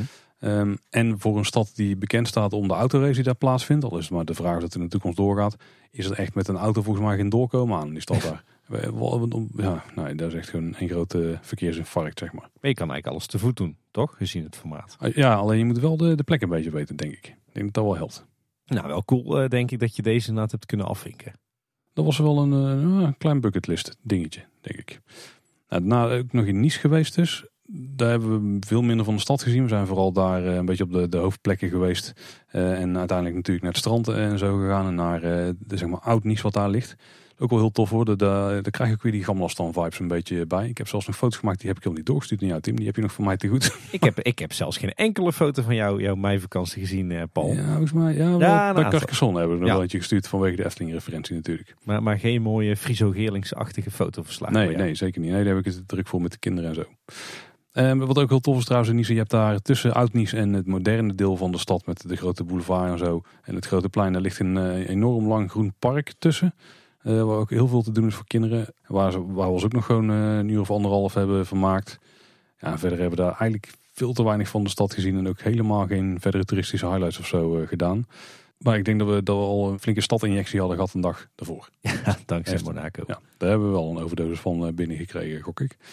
En toen zijn we doorgereden. Uh, onderweg uh, zijn, we, zijn we dus naar die plek geweest met het uh, strandje waar we in een paar stappen lang stonden. Er lag ook vlakbij een best wel tof gebied. Ja, dan ga ik het weer waarschijnlijk helemaal vannacht in. Maar Ague Morte. Of Mort, waarschijnlijk gewoon. Het klinkt, klinkt een beetje Spaans op deze manier. Ja, nou, ik heb ook geen idee wat het verder, of hoe het verder heet. Maar daar doen ze heel veel aan zoutwinning. Dus dan heb je heel veel van die zoutpannen die ze vol laten stromen met zoutwater. En die dat water verdampt en dan kunnen ze het zout uitdelven. Dus met heel veel van die gekleurde uh, ja, vlaktes met ja, nog net geen verdampt water, zeg maar. Waar ook enorm veel flamingo's en zo zitten en staan in, in, in grote getalen. En daar zijn we vooral doorheen gereden. Je kunt er ook allemaal toertjes doen bij van die zoutfabrieken en dat soort zaken. Maar dat is een van de dingen waar we geen tijd voor hadden. Uh, dat was ook heel tof. En daar zat ook dat stadje waar ze de visserstafels binnenhaalden. En uh, waar dus echt zwermen meeuwen rond, uh, zwieren rond vlogen. Daar zijn we dus ook naar het strand geweest prima plek denk ik om je een dag of twee te vermaken. En toen doorgereden zijn we in de Carcassonne terechtgekomen. Nou, nou zit ik eens mee te kijken met jou, Paul. Ja. Maar eh, als ik van Nice naar Carcassonne ga, dan kom ik van alles tegen. Uh, de steden als Cannes, Fréjus, uh, Toulon, Marseille, Avignon, Nîmes, Montpellier. Allemaal steden die, die, ja, waar ik toch wel warme gevoelens van krijg. En, hebben jullie dan, als jullie daar langs rijden, geen, geen gevoel van FOMO, zeg maar? Van oh, we willen al die steden bezoeken en alle ins en outs meemaken. En... Uh, de antwoord is sowieso nee. nee. Bij Marseille had ik wel een paar mooie dingen gevonden, maar ik denk dat het ook prima is verkeer voor een stedentrip. Gewoon een lang weekend. Uh, dan moet je gewoon in de stad zitten, want dan kun je op een aantal plekken gewoon komen. Dus dan moet je ook eigenlijk wat dingen doen met een bootje en zo. En die mogelijkheid, uh, die hadden we nu wel, maar we hadden daar zoveel tijd moeten verschieten. Dan hadden we een paar andere dingen niet kunnen doen die we veel liever deden. Kan stond ook wel een tijd op het lijstje om heen te gaan. Alleen toen ik dat wat beter ging uitzoeken, bleek dat niet zo'n super interessante plek te zijn. En als je Monaco hebt gehad, dan is kan daar een. Nou, Oké, sorry Frans, een slap aftreksel van. Kan niet, Paul. Nee, met, met, eigenlijk, uh, ja, met eigenlijk echt weinig uh, highlights. Tenzij het filmfestival plaatsvindt. Maar dat was natuurlijk uh, niet. En Montpellier kregen we dan niet echt warme gevoelens van. Dus die hebben we sowieso niet gemist. Maar we kregen wel heel warme gevoelens van Carcassonne in ieder geval. Kijk, vertel. Want Carcassonne is volgens mij ook een middeleeuws stadje, toch? Dat is zeker een middeleeuws stadje. Ja, het stadje zelf is niet zo heel bijzonder. Maar je hebt daar uh, de Citadel. Dat is eigenlijk het bekende, ja, nou, noem het mini-stadje wat dan op een berg ligt daar. Met een uh, grote, eigenlijk ligt het gewoon binnen een verdedigingsmuur. ook op de hoogte dus. En daar is, daar is deels, voelt het nog wel authentiek. Maar er zit ook deels volgestampt met... Uh, ja, horeca en winkeltjes en dat soort dingen. Maar als je een paar straatjes pakt, dan kun je nog wel wat tof stukken zien. Er zit ook een een openluchtmuseum deel bij. Ja, het is deels openlucht, maar je kunt dan ook de burcht zeg maar in. En daar alles bekijken, dat is natuurlijk wel authentieker. En voor ons was de naam vooral veelzeggend, want dat is echt heel viraal. Maar er is dus een bordspel wat ook zo heet, wat de kinderen ook heel graag spelen. Waar we de junior versie van hebben, de volwassen versie spelen ze inmiddels ook vrij goed. En de stommers, waar kwamen we er aanlopen? We maakten een foto. En toen hebben we naar de rand, toen we terugkwamen in de camper, want we hadden het spel bij, hebben eigenlijk pas gekeken van hoe ziet die, die doos er dan precies uit. En die eerste foto die we hebben genomen was exact wat je aan de voorkant of op de voorkant van de doos zag. Heel cool. Vrij, ja. Vrij toevallig. Maar dat is een heel fotogeniek stadje met, met heel veel verschillende toren, torentjes die er rondomheen staan en waar je ook mooi omheen kunt wandelen. Wij zijn er vooral doorheen gestruind. En het is ook niet zo groot, dus je kunt vrij veel zien. Ja, mocht je een keer in de buurt zijn, dan is het gewoon echt de moeite. We zijn er nou, toch wel een, nou, toch wel een dik, dikke uur voor omgegeven. Vaak twee uur dan dus, heen en terug. En wij vonden het wel echt de moeite om daarin in te strijken. Sowieso de, de plek waar de camperplaats lag, dat was best wel een eind vandaan. Alleen de wandeling naartoe was daardoor heel mooi. Die was langs een soort ja, watertje wat er liep als een wandelparkje aangelegd. Je ziet dan eerst vanaf de verte zie je dan uh, die burcht opdoemen. Of uh, de citadel zeg maar. Of de cité op een gegeven moment verdwijn je een beetje zelf tussen de bomen. Maar dan opeens staat dat ding dan vlak voor je neus. En dan is dat toch wel indrukwekkend en groot. Ja, het stadje wat daar verder bij ligt, daar kun je echt links laten liggen. Want daar stelt verder niks voor. Maar de, ja, zeg maar de toeristische attractie zelf is echt, uh, echt heel tof. Hier miste overigens wel een van de dingen die wij samen ook delen, Tim. Een passie. En dat is s ochtends broodjes halen op vakantie. Ja. Want er was hier geen fatsoenlijke bakker in de buurt te vinden. Oh, nee, dat was wel inderdaad een voordeel in Berlijn. Dan gewoon lekker, terwijl de kids nog aan het wakker worden waren en de vrouw. Gewoon lekker naar buiten. En dan de straten, weet je wel, die een beetje zo ontwaken. Met wat mensen die naar, de, naar het werk gaan, kinderen die naar school gaan. En dan heerlijk nog zo'n beetje in die ochtendnevel naar zo'n supermarktje struinen. Oh, dat zijn zulke fijne momenten altijd, hè? Ja, bij mij is het, uh, sowieso het struinen vind ik dan tof. Maar bij mij is het ook altijd nog dat ik iets moet zoeken. Want we zijn vaak maar een paar dagen ergens. De plekken waar we het langst hebben gestaan waren we drie nachten. Dat was het bij Nice en bij Barcelona. Bij Barcelona zijn we trouwens met twee nachten geweest. Dus drie nachten. En daar had ik een, een goed bakkertje gevonden. Ja, was trouwens ook gewoon zo'n Paul, weet je wel, die in Frankrijk heel veel ziet. Ja. Maar die had echt goed brood uh, s ochtends. Uh, ter plekke gebakken. Maar op heel veel andere plekken moest ik het maar gewoon uitzoeken. Maar in Frankrijk tref je het gewoon heel vaak goed. Dus dan toch, toch heb je dan zo'n zo'n gevoel om een soort van winnaar te zijn. Hè? Als je dan een goed, ja, goed ja. bakkertje hebt gevonden. Maar daar bij Carcassonne op de plek waar wij dus zaten was het uh, vrijwel onmogelijk. Wat ik ja, heel stom, maar toen we terugliepen zijn we dus ongelopen langs een of andere schrale sigarenwinkel. Maar daar verkochten ze ook gewoon brood, want dat doen ze bijna overal daar. en dat, dat, was dan wel misschien het minste brood van de vakantie. Maar het was stokbrood, dus dat was, uh, was goed. Klinkt ook als een, een nare combi, sigaren en brood in één. Ja, dat was ook niet het al, al te goed. Nou, vanuit daar gingen we dus afzakken richting Barcelona. We hebben wel teruggereden naar de kust. Toen hebben we daar nog een nachtje verbleven. Dat was die ene uh, toffe camping met uh, die glijbaan en het goede zwembad erbij. die lag dus echt bijna aan de grens met Spanje. Nou, we zijn dus Spanje ingereden langs de kust. Dus dan, dan, dan ga je wel een klein stukje door de berg heen. Want zo lopen eenmaal, nou eenmaal de, de snelwegen. Uh, maar als je een goede motor in je voertuig hebt liggen, dan merk je denk ik niet eens dat je echt de berg in rijdt. Ja. Nou, wij, wij merken het wel enigszins, want die van ons heeft er wel iets meer moeite mee. Maar het is vooral door het gewicht wat hij mee moet slepen. Maar daar heel ontspannen uh, Spanje in gereden. Uh, daar hadden ze alle tolwegen net opgeruimd, volgens mij, een, een paar jaar daarvoor. Dus daar zag je nog af en toe restanten van de alle tolpoortjes staan. Maar die, ja, dat hoefde allemaal iedereen. Dus daar, dat ging ook vrij vlot om daar door het land heen te bewegen. En toen zijn we eigenlijk vrij snel naar die, ja, die kust gereden, waar dan ook alle de Mars liggen. Hè? Dus uh, Lorette Mar en uh, ik zie er heel veel op de kaart liggen nog. Um, ook Blanes en zo. En dat, dat is een beetje die, ja, als je die boulevard volgt, dan kom je vanzelf in Barcelona uit. Nou, dus wij aan die kant van Barcelona een camping gevonden. En vanuit daar konden we heel mooi met de trein dus snel naar het centrum. Ja, Barcelona is gewoon een hele vette stad. Ben ik inmiddels nu een paar keer geweest, maar dit was de eerste keer met gezin. Dus ik kon ze een beetje meenemen als het tourgids langs alle plekken. Altijd tof. En uiteindelijk had ik dus ja, dat als we daar vrijwel alles van wilde zien. Want de, we zijn op heel weinig plekken naar, echt naar binnen geweest in dingen. Ook omdat het was wel een, een of andere reden was een druk weekend. Want we waren toevallig in een weekend. Uh, was ook volgens mij rondom de 1 mei. Dus heel veel was toen ook dicht op 1 mei. Uh, vanwege de dag van de arbeid en de dag ervoor waren dus ook demonstraties daar. Ja, ja, hey, al, die, al die linkse bolwerken. en ik had dus uiteindelijk uitgevogeld van misschien moeten we maar gewoon, uh, wat we eigenlijk zelden doen nog zeker met kinderen, maar zo'n hop-on op off bus ding pakken. Want dan kom je gewoon overal langs. En het voordeel van Barcelona is dat heel veel van de dingen die daar mooi zijn, die kun je gewoon zien buiten. Want er staan nog heel veel van die toffe Gaudi gebouwen. Die liggen toch stiekem vrij ver uit elkaar. Tenminste, we zijn daar twee dagen heen geweest. Um, Eén dag was zeg maar de avond vooral, of ja, de namiddag en de avond. En toen ontdekten we al van, poeh, als we hier op een paar van die blokken moeten lopen met kinderen, want we hebben geen kinderwagentjes meer bij of zo, dan is het toch vrij pittig. En met die, uh, uh, met die hop-on op offers ging daar, een, ging daar vrij goed, want weet je wel, het ligt allemaal net te ver uit elkaar om te lopen. Maar het ligt ook allemaal net te dicht bij elkaar om continu in een tram in te springen of zo. Want dan loop je vanaf de tramhalte nog steeds stiekem best wel wat blokken naar alle plekken toe. En met die bus kom je gewoon overal precies uit. En daar was hij best tof. Dus daardoor heel veel van buiten kunnen zien. Op een paar plekken natuurlijk uitgestapt. Zoals bij uh, Sagrada Familia. Uh, veruit de, de highlight denk ik wel van, van, van alles wat daar te doen was. Nou, dus niet naar binnen geweest. Dat moet ik nog wel een keer doen. dat is lang geleden. Want dit is gewoon echt een enorm vette Gaudi gebouw. met een enorm bizarre architectuurstijl. Die, die wel allemaal goed verklaarbaar is trouwens als je een beetje in verdiept. dus dat is, heel, ja, dat is heel vet. En sowieso meer van die Gaudi gebouwen die daar in, het, in de buurt staan. In het Park Gwel. ook het ehm, Olympisch Stadion en het hele um, complex wat daarmee ligt. Dat was ik dus nooit geweest op die heuvel die daar ligt. Want ook in Barcelona ligt dus zo'n heuvel aan de rand van de stad. Ja, ja. op meerdere plekken, maar in ieder geval deze was ik er niet geweest. Um, met, met, wat, met wat musea die daar ook liggen, was ook heel, heel vet. En uiteraard nou, het stadion van Barcelona, natuurlijk daar uh, wat rondgeschouwd over de Ramblas nog. Naar het strand um, geweest en daar gekeken naar alle monumenten die er staan.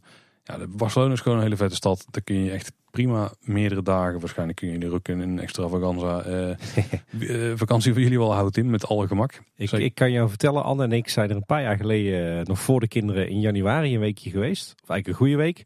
En we hebben ons ook weer geen seconde verveeld. Dus je kan je ook prima een week vermaken in Barcelona. hier is sowieso als je een aantal dingen gewoon ingaat. En er zijn ook wel een paar musea die de moeite zijn. En sowieso heel veel, ja, laten we de monumentale pannen noemen je naar binnen kunt. Je vermaakt je eigen daar echt enorm makkelijk heel lang. Want ik ben er al twee keer geweest. Ik heb nu nog heel veel meer dingen gezien die ik toen niet heb gezien. En we zijn er dus nog ook nergens echt naar binnen geweest.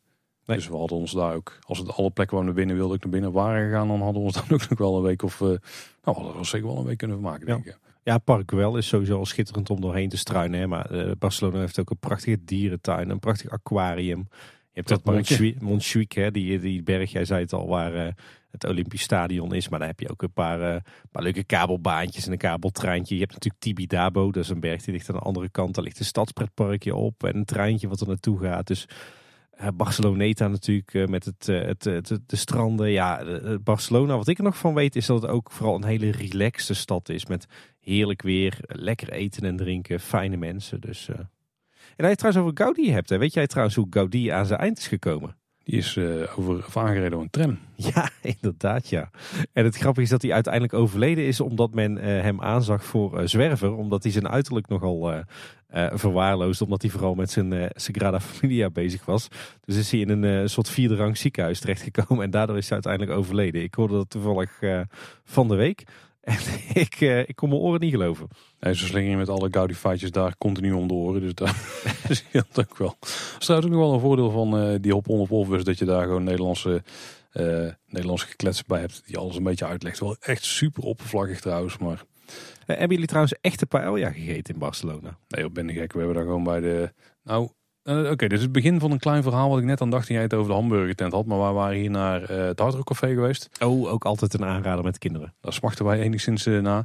Omdat het zo'n druk weekend was, was het echt enorm moeilijk om daar binnen te komen. Je moest mm. allemaal reserveren, dat hadden we niet gedaan. En wachtrijen en dit en dat. Maar er zat ook gewoon een heel klein buitenterrasje bij, echt aan Plas de Catalunya.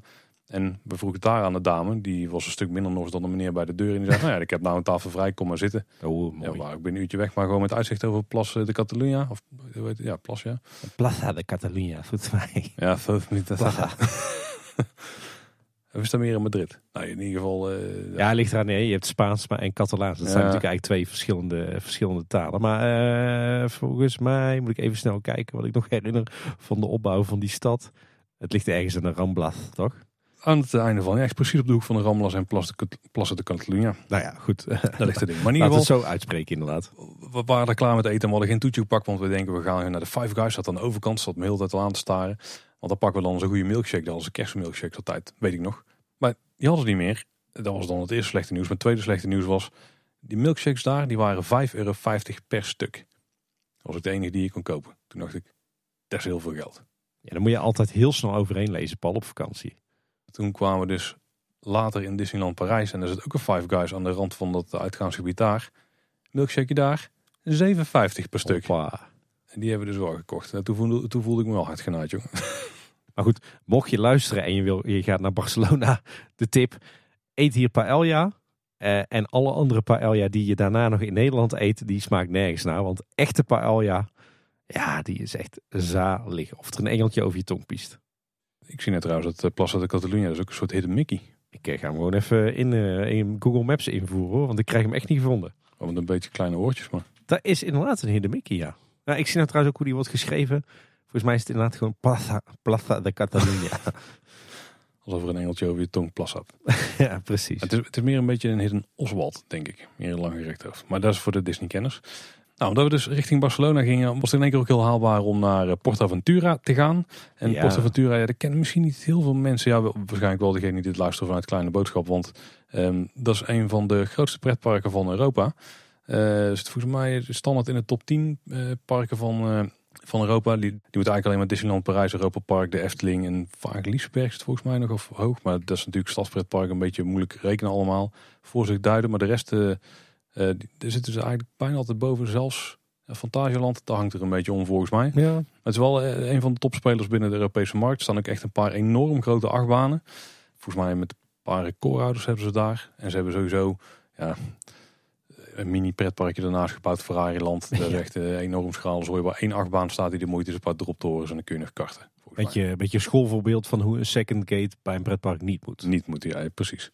Het, het is een vrij bijzonder park. Als in, het heeft echt de potentie om een van de beste parken van Europa te zijn. Maar daar halen ze op heel veel plekken het niet uit vanwege, ik denk, beleid.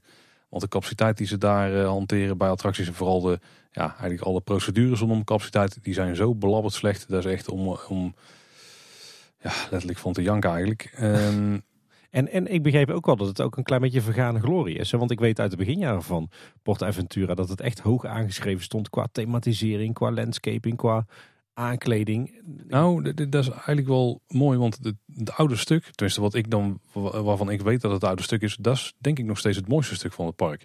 Dus het vergaan, vergane glorie zou ik niet echt durven noemen, maar het is meer dat alles wat er nieuw staat, daar lijken ze het groen bijvoorbeeld vergeten te zijn. Daar, heb, je eigenlijk, ja, het voelt een beetje als open vlakte, er zit wel hoogteverschil in en zo.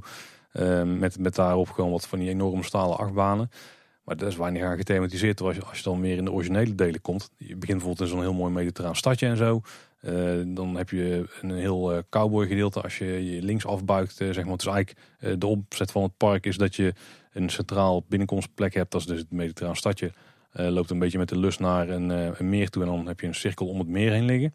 En die kun je eigenlijk gewoon een dagje rondlopen. Wij zijn dan rechtsom gegaan. Dan kom je eerst een beetje het kindergedeelte. En dan kom je daarna het China gedeelte. En dan kom je in het, ik weet het niet eens waar boven. Zo kom je in alle, alle themadelen. Maar vooral bijvoorbeeld het, het Wild Westen stukje. Het mediterraan stukje. En het, eh, ja, meer het groene jungle Afrika stukje zeg maar. Dat zijn echt hele toffe mooie stukken. En het groen daar is allemaal mooi aangegroeid. En daar, daar loop je ook echt tussen onder de bomen en zo zeg maar. Maar als je dan eens in het China deel komt. Tot meer het nieuwe gedeelte. Of het, het oostelijk deel zeg maar.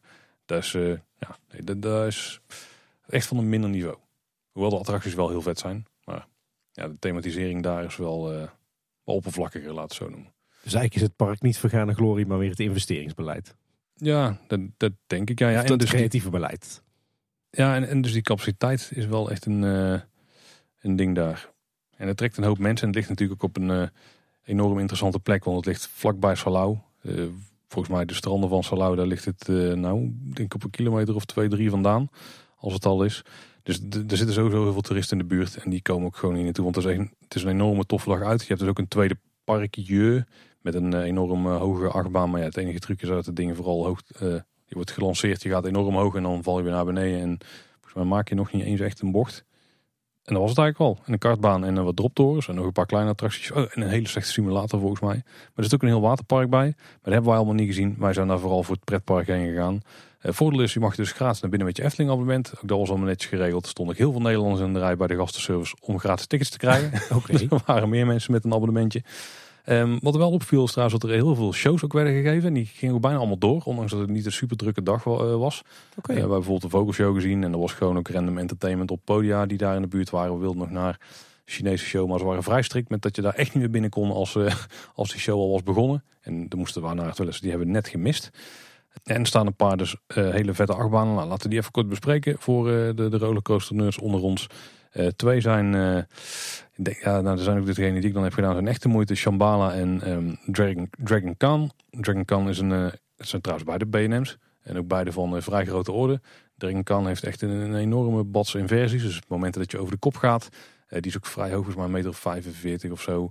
Eh, nou, die is vrij krachtig. Ook wel een beetje een rammelbak aan het worden, denk ik. Oei. Ehm, en die andere is Shambhala. En dat is een, eh, ja, dat is echt een, denk dat het in een hypercoaster categorie valt. Dus volgens mij is het drop 78 meter of zo. En de hoogte van de, van de baan is 74. Volgens mij was hij 2 meter hoger dan eh Silverstar of zo. ik weet dus niet of dat de Dropper Silverstar hoger is. Maakt verder even niet uit. Pak RCDB erbij, dan weet je het allemaal.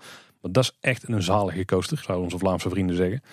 Uh, heel simpel, je gaat gewoon heel erg hoog en dan val je naar beneden. En je wordt gewoon vooral continu op heuvels uit je stoel getrokken. Er zit heel uh, licht bochtenwerk in, want je moet op een gegeven moment toch een keer omdraaien. Maar het is vooral die momenten dat je uh, vooral omhoog komt. Dat is een echt de ja, dan, dan zweef je gewoon echt in je stoel. Dat is echt heel vet. Ik, ik, ik moet dan vooral denken aan Goliath en Silverstar. Is dat een beetje de, de categorie waar ik aan moet denken? Ja, zeker. Ja, ja dan nog net ja, dus eh, flink wat tanden hoger dan, uh, dan Goliath en paard. Eén tandje hoger dan Silverstar. Maar een, een hele smooth BM, heel vet als die. Eh, een beetje wat jij in, in Strookrijk wil langs de N62. Nou ja, dat is dit eigenlijk de hoog voor. En ik hoef niet per se een, een, attractie waar je weer in moet gaan zitten. Ze mogen wel iets creatievers doen. Maar dat is een andere podcast. Ja, precies. Uh, verder viel trouwens op dat uh, wel veel horeca dicht was. Dat was wel uh, tegenvallen. Vooral alle restaurants die waren eigenlijk gewoon dicht. Um, het duurde ongeveer totdat we in het cowboydorpje waren. Dat we in één keer dachten van, hé, hey, hier is iets anders te halen. Want daar kon je hotdogs halen. Terwijl de rest van het park echt alleen maar friet en, en een hamburger was. Um, en heel af en toe een zoete snack. Maar dat beperkt zich ook tot volgens mij churros. En al was het wel een heel eind. Ja, je kan donuts natuurlijk halen en een, en een wafel. Um, wel een paar toffe gethematiseerde attracties. Die lagen wel vooral in het, meer, in het western gebied. Mijn trein, achtbaan en een best wel aardige uh, Rapid River. En uh, wat denk ik wel, ja, was het een highlight? Ja, misschien wel, misschien niet vooral de operations. Is, er was zelfs een dark ride interactief met Sesamstraat thema. Ah, en de, de, was, de wachtrij was daar wel aardig met een animatronic erin. Die ook echt uh, leek rond te lopen. Daarna een kantoortje en liep en dan zag je zijn schaduw nog wat dingen doen. Zeg maar. Dat was best aardig in elkaar. Maar dit is denk ik wel echt typerend voor hoe het park op plekken gerund werd. Want capaciteit, zei ik net al, die was echt dramatisch. En dit was de beste plek waar je dat kon zien. Um, die wachtrij daar, uh, waar liepen erin. Nou, een beetje die heel traag door die wachtrij heen, weet je wel. Dat je echt denkt van, waar is het voor uh, attractie? Want dat wist ook niet zo goed. Um, toen zagen we op een gegeven moment al station. Toen zagen we al van, er komen van die symbolica karretje aanrijden. In één keer stonden we gewoon stil, echt 10 minuten of zo. Want er waren twee mensen vanuit het station komen lopen en die liepen de wachtrij in. En die kwamen op een gegeven moment weer terug en toen begon de wachtrij weer te lopen. Dat bleek ook de enige personeelsleden zijn in de attractie. Met z'n tweede draaide dat station volgens mij. Misschien dat er nog één. Nee, volgens mij was het dan met z'n tweeën. één dispatcher en één mensen die. Of één iemand die mensen de voertuigen inleiden. Het, volgens mij het enige wat ze hadden gedaan was een paar extra. Ja, zeg maar kettingjes voorhangen. Zodat de wachtrij net iets langer kon worden. En daar zijn ze dus al echt bijna 10 minuten mee bezig geweest. Toen stond de attractie gewoon verder stil. Zaten gewoon mensen te wachten die uit moesten stappen in karretjes. Misschien hebben ze hem leeg gedraaid. Ik heb echt geen idee. En toen stonden we dus te kijken hoe de operations in het station gingen. En er waren gewoon netjes rij gemaakt waar je mensen kon uh, pre-seaten, zeg maar. Dus je kon mensen alvast in de rij zetten terwijl het karretje, zeg maar, het ene karretje ging weg. Dan konden de volgende alvast gaan klaarstaan. Dus wat gebeurde er? Nee, jullie moeten dan daar gaan staan, jullie daar gaan staan, jullie daar gaan staan. Dat ging al heel traag. Oh, wacht, jullie staan nou hier. Wacht, je moet ook even terugkomen, want je hebt ook nog een 3D-brilletje nodig. Maar dat begon dus pas toen echt het volgende voertuig misschien al wel een minuut of zo in het station stond. Volgens mij was het dispatch, dispatch tijd wat echt meer dan vijf minuten. En dan waren, het begon bij mij bijna te kriebelen als bezoeker om maar te gaan helpen van op allemaal die mensen gewoon die attractie doorheen. Weet je wel, zo niet over nagedacht en traag. En, ah. Is dat dan de Spaanse mentaliteit? Nou ja, ze verkopen dus ook heel veel vorderingpasjes daar. En uh, ik denk dat dat vooral een beetje het punt was. Uh, ik kan me voorstellen dat normaal die achtbanen dat daar wel de moeite is om zo'n pasje te hebben. Uh, maar die, zelfs met de vorderingpasje stond je ook gewoon nog, nou ja, als er niemand voor je stond je gewoon nog vijf tot acht minuten te wachten. Omdat het gewoon zo traag ging om überhaupt mensen in een karretje te krijgen.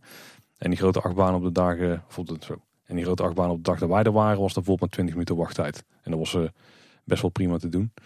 Maar wel meer plekken merkten we het ook. Kijk, die, die Rapid River die liep lekker door. Want ja, daar kan je niet heel veel verkeerd aan doen. Want je stuurt mensen gewoon de draaischijf op. Want het was gewoon een draaischijf laatste station. En die bootjes komen toch wel, dus dat ging allemaal goed. Maar op alle andere plekken was het echt dramatisch. Maar ik denk dat we al te lang over dit eh, park hebben zitten kletsen. Want hierna Tim kwam misschien wel de highlight van onze reis. Qua reis, qua, qua, qua vervoer. Vertel. Je zou het niet verwachten, maar we reden eh, weg daar richting het noorden. Dus ja, uiteindelijk richting Andorra. Ah, En toen kwamen we denk ik wel het mooiste stukje natuur waar we erheen zijn gereden. Want toen kwamen we in één keer, uh, gingen we het berg in. En ik moet zeggen, ik was van tevoren een beetje, ja niet nerveus, maar ik vond het wel spannend. We gingen daar dan hoog de berg in. Hè. Dat was zeker ver uit de hoogste plekken waar in ieder geval wij met de camper ooit waren geweest. Meer dan twee kilometer hoogte zijn we uiteindelijk geweest. Ik denk, oh, je allemaal bergpasjes en allemaal moeilijke rijden en zo. Nou, dat was zeker vanuit Spanje echt niet het geval. Je rijdt echt op je dode gemak aan doorheen. Ik, nou, ik denk niet dat er een bocht bij is geweest die een haarspeldbocht genoemd mag worden. Maar de omgeving waar je erheen rijdt, ja, die was wel echt uh, ook strelend mooi. Echt gewoon langs de uh, langs hoge bergkliffen, watervallen die aan alle kanten langs komen denderen. Echt super goede wegen er ook. Daar viel me alles mee. Het begint ook al met dat je daarheen rijdt door de grote open velden. Er loopt niet echt de snelweg, liep er niet direct heen. Dus er waren vooral van die 80 wegen. Dan heb je heel tof uitzicht. En Andorra zelf, dat was dan eigenlijk lichte tegenvaller. Oh. Want ik had al op zich wel verwacht dat daar dan allemaal chique natuur was. En je rijdt daar eigenlijk... Uh, ja, je rijdt dan hoog in de berg, maar de bergen om je heen die zijn op sommige punten nog meer dan een kilometer hoger dan dat jij zelf al zit op dat moment. Mm -hmm. Alleen Andorra zelf is eigenlijk in ieder geval het gedeelte dat wij konden bereiken, want dat is gewoon de hoofdweg. Want de zijwegen inslaan, dat sloeg voor ons nergens op, want dan was het allemaal heel krap en stijl en zo meteen. Maar het is gewoon één groot skigebied. Dus je rijdt alleen maar en echt rakelings langs uh, grote skihotels, weet je wel, gewoon acht hoog. Klassiek met de grote stenen bovenin en dan hout uh, boven en zo, weet je wel. Maar door ja, niet eens de allerbreedste weg waar je ooit bent geweest. Overal winkels, mensen, brommers, uh, auto's, alle kanten. Ja, dat was gewoon chaos. Dat was ook nog slecht weer. Dus uh, je zag ook allemaal bijna niks. En iedereen die reed helemaal wat, ja, anders dan normaal over opspannend water en zo. Dus dat, dat was een lichte tegenvaller. Toen we net dan het, uh, dat bebouwde gebied uit waren. Toen werd het weer heel mooi, weet je wel. Groen en weids. Um, met dus overal die hoge bergen om je heen. Ook sneeuw en besneeuwde bergtop en zo. Want, want dat waren dan de Pyreneeën? Ja, ja zeker. Ja, ja. Alleen als je er dus uitrijdt, of toen we daar voorbij waren, ja, toen was het land uh, na twee kilometer alweer afgelopen. Want volgens mij is Andorra ongeveer 400 vierkante kilometer of zoiets, 460 of zoiets. Ik denk dat daar echt beeldschone natuur ligt, maar dan moet je echt van de gebaande paden af. Nou, in ieder geval van de hoofdweg af, want anders blijf je gewoon een beetje in zo'n enorm uitgestrekt ski-resort uh, zitten. Uh, uiteindelijk zat overnacht in Andorra dus ook niet, omdat omdat er zoveel sneeuw lag, alles nog dicht was qua campings. dus uh, okay. uiteindelijk zijn we echt net uh, over de grens met Frankrijk uh, hebben we geslapen. maar Andorra was wel, was wat dat betreft toch wel tof om, om er eens rond te kijken. Maar het was echt compleet anders dan wat ik me had voorgesteld.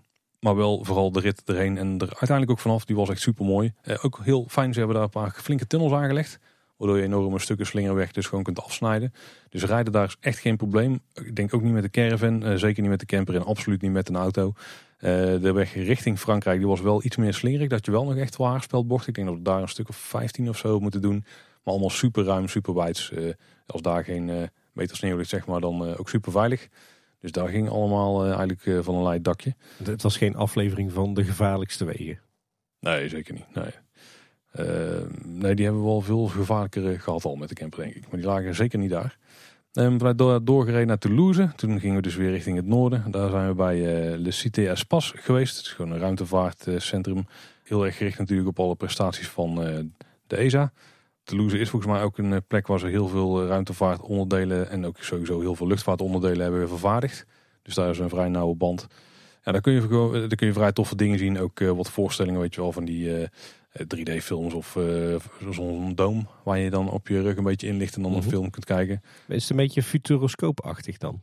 Nou, het is meer uh, van wat ik. We zijn ook bijvoorbeeld in Kennedy Space Center geweest, dus eigenlijk meer daarmee vergelijkbaar. Buiten dan dat er niet op een paar kilometer afstand daadwerkelijk raketten de lucht in zijn geschoten. Voor zover ik weet in ieder geval. Maar er staan een hoop uh, op ware grote replica's van, van, van bekende raketten in dit geval dus veel van Europese ruimtevoertuigen. Maar ook bijvoorbeeld een, eh, een replica van een, eh, een Russisch ruimtestation. Waar dan, ja, die hebben ze een beetje verhoogd. En dan kun je dan met uh, wandelbruggen omheen lopen en ook doorheen lopen. En zien hoe die mensen zich daar dan in, in bewegen. Heel veel van die simulatiedingen. Dit zie je wel op meer plekken uiteraard. Maar dit, dit zat vrij goed in elkaar. Goed bereikbaar.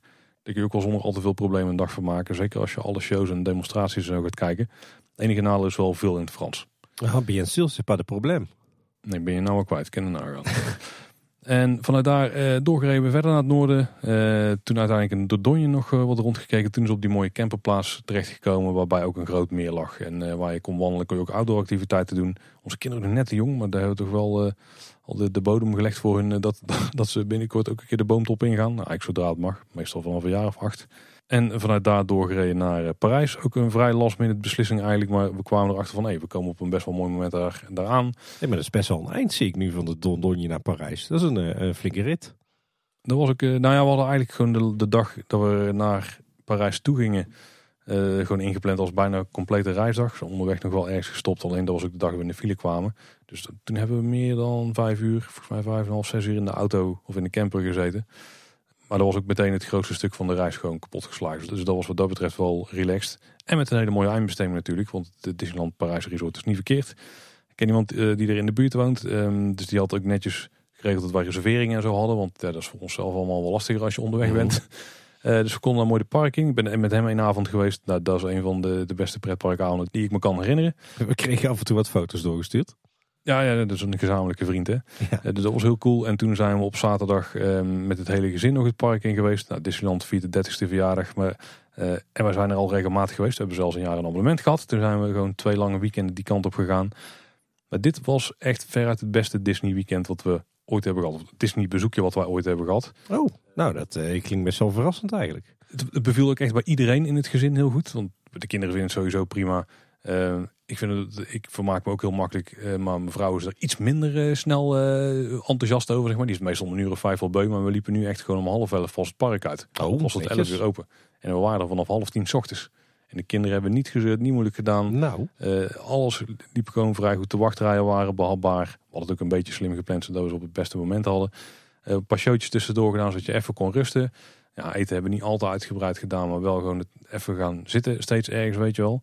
Iedereen liep naar buiten met een dikke glimlach op zijn kop. Het gezelschap liep trouwens ook al, want uh, onze vriend van de show, mogen we ook wel zeggen in dit geval denk ik. Die is eigenlijk vrijwel heel de dag erbij geweest. En de, de, de, de, de klikte allemaal goed tussen iedereen. Ja, we hebben echt een hele toffe dag gehad. En Disney is met stip naar mijn tweede favoriete pretpark. eigenlijk, ja, nou sowieso in Europa geschoten. En ik denk dat ik hem net wel boven Universal Islands of Adventure plaats. In, nou, dat weet ik niet. Misschien een beetje op dezelfde niveau. Maar niet boven de Efteling, hè? Nee, niet boven de Efteling. Die staat met dikke stip op één. En, en waar kan ik die cursus precies volgen? Hoe je Disneyland Parijs gaat waarderen? Hoe je van uh, 10 uur s ochtends tot 11 uur s avonds. Ja, ik weet echt niet hoe het ging. Het ging Zonder zo, problemen dat het park gaat. Het ging zo soepel en we zijn tussendoor dus ook niet. Ja, we zijn van het een naar het andere park gegaan nog een keer onderweg.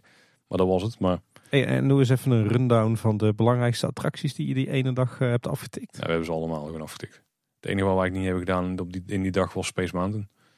Uh, dat was het denk ik. En de rest, alle A-attracties uh, gewoon, of e-tickets moet ik dan eigenlijk zeggen. Ja, nou Topia, die wilden we eigenlijk nog doen.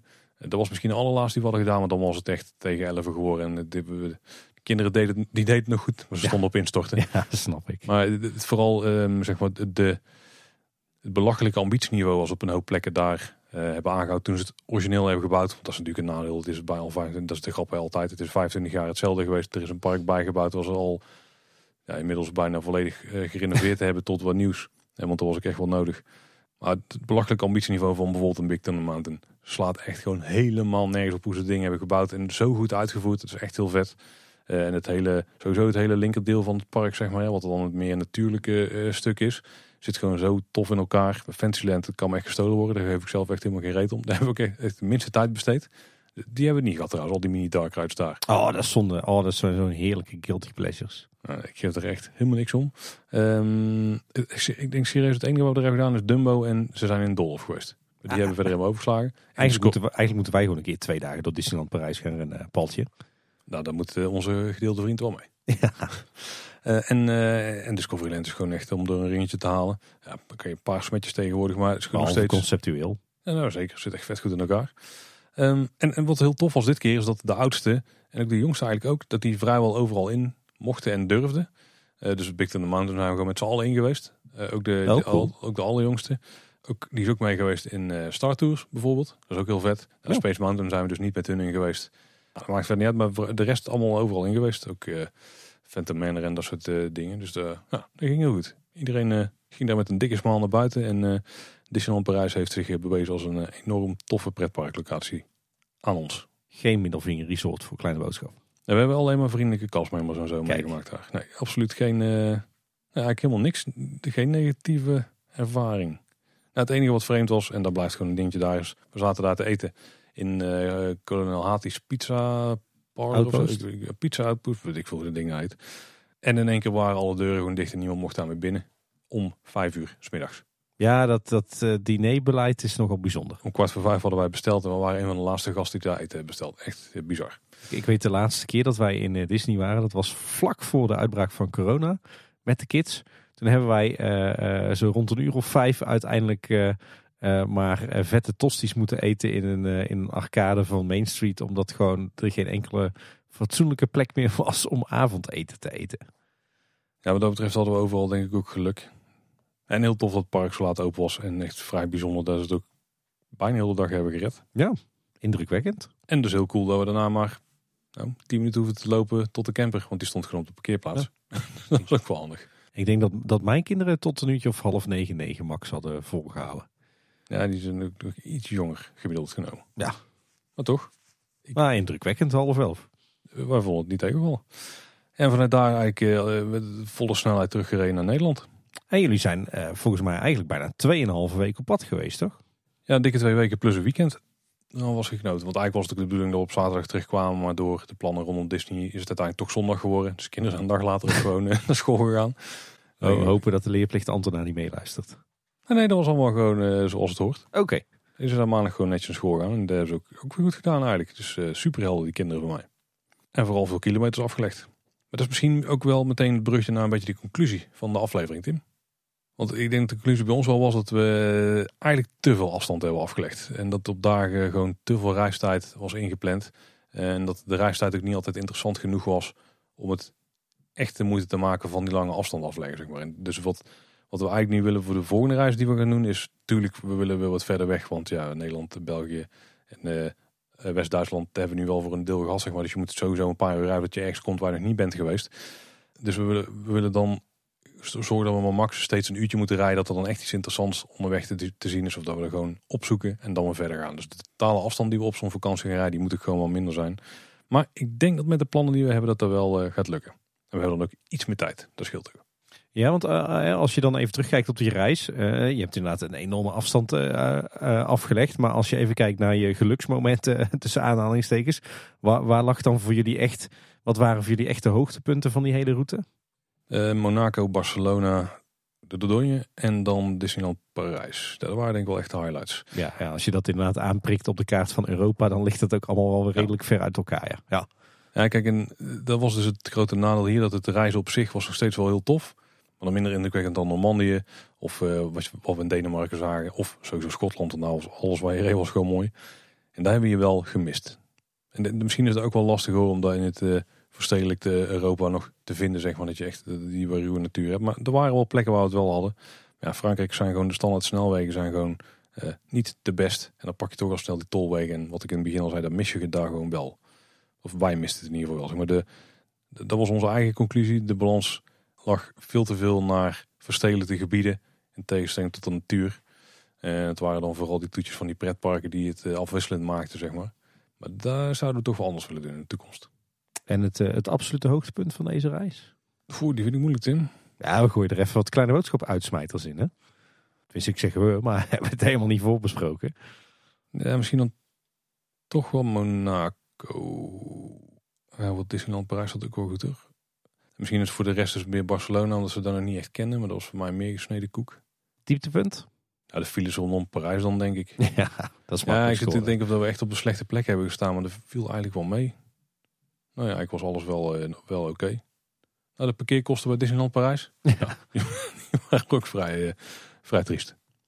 En bij jou heb je nog een soort algemene conclusie of misschien uh, dingen waarvan je de volgende keer denkt, dat we toch anders doen? Of, of was het juist de perfecte citytrip extravaganza? Ik denk dat dit eh, op wat kleine details na. Natuurlijk, er is altijd wel iets, uh, iets te, te verbeteren. Uh, maar ik denk dat dit voor ons wel weer een schoolvoorbeeld was van de ideale citytrip extravaganza. Of de ideale slow travel citytrip. Eigenlijk net zoals Stockholm in de herfst vorig jaar. was Berlijn ook weer een een enorm succes. En ja, voor ons echt een bewijs dat de manier waarop we uh, eigenlijk al, uh, nou wat zal het zijn, al 15 jaar reizen. Dat het voor ons echt ja, de manier is van reizen. En dat we dat ook, ook vooral moeten blijven doen. En dat het ook met kinderen uh, absoluut heel goed kan.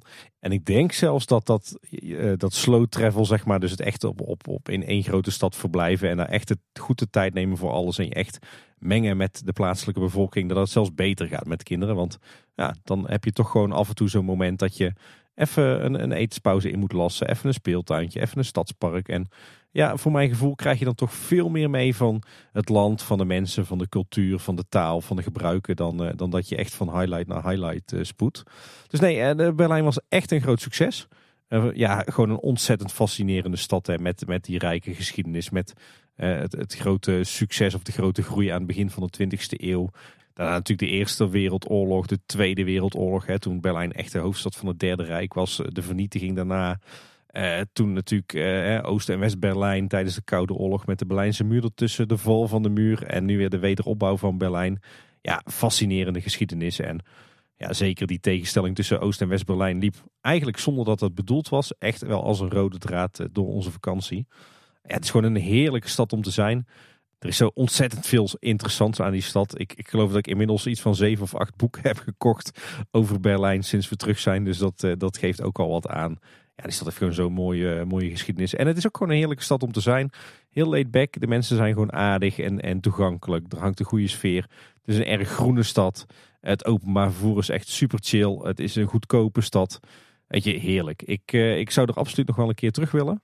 Het, het, het, voelt niet echt als een tweede thuis. Wat ik wel heb bij, bij heel wat Scandinavische steden. Hè. En, uh, Stockholm, Göteborg, maar ook een, een Bergen of een, een Reykjavik of een, een Kopenhagen. Dat voelt echt wel als een, een, soort van tweede thuis waar ik nog best wel eens naartoe zou willen emigreren.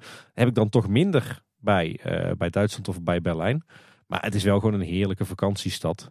En ja, ik moet zeggen, achteraf ook ontzettend tevreden met het, met het appartement. Zowel qua locatie als, als qua OV, als qua ja, toch bijzondere plek in de geschiedenis. Hadden we genoeg tijd. Er stonden nog een paar wensen op ons reservelijstje. Ja, zo wilden we eigenlijk nog een dagje doorbrengen op Tempelhoofd. De oude luchthaven midden in de stad. Die hebben ze laten liggen. Heeft, het doet geen niets meer als luchthaven. Uh, maar daar, uh, ja, weet je, daar kan je nu lekker fietsen, skileren, rondwandelen echt zeg maar tussen de, de Berlijners. Dus die stond nog wel op het, op het verlanglijstje. Uh, we hadden de East Side Gallery eigenlijk nog willen zien. Dat is een, uh, ook een, een, ander stukje van de Berlijnse muur wat nog steeds staat. Uh, maar wat helemaal is beschilderd door kunstenaars. Je kent ook waarschijnlijk wel de geëikte foto's van. Met trouwens ook een hele mooie bakstenen brug erbij in de buurt. ze hadden nog een soort van ja, mini-world Berlijn of zo. In de voet van die Fernsehturm. Eigenlijk een soort Maduro-dam of een soort ja, Lego Discovery Center, maar dan met, met Berlijn helemaal als miniatuur nagebouwd. Uh, en ik had zelf ook nog wel Spreepark willen zien, hè, dat verlaten uh, stadspretpark in Oost-Berlijn. Maar goed, eigenlijk, hè, als je die dingen bij elkaar optelt, dan, dan waren dat allemaal maar extraatjes die we niet per se wilden zien. Dus we hebben eigenlijk in die, die zeven dagen of die vijf volle dagen wel echt een ontzettend goede indruk gekregen van, uh, van de stad Berlijn.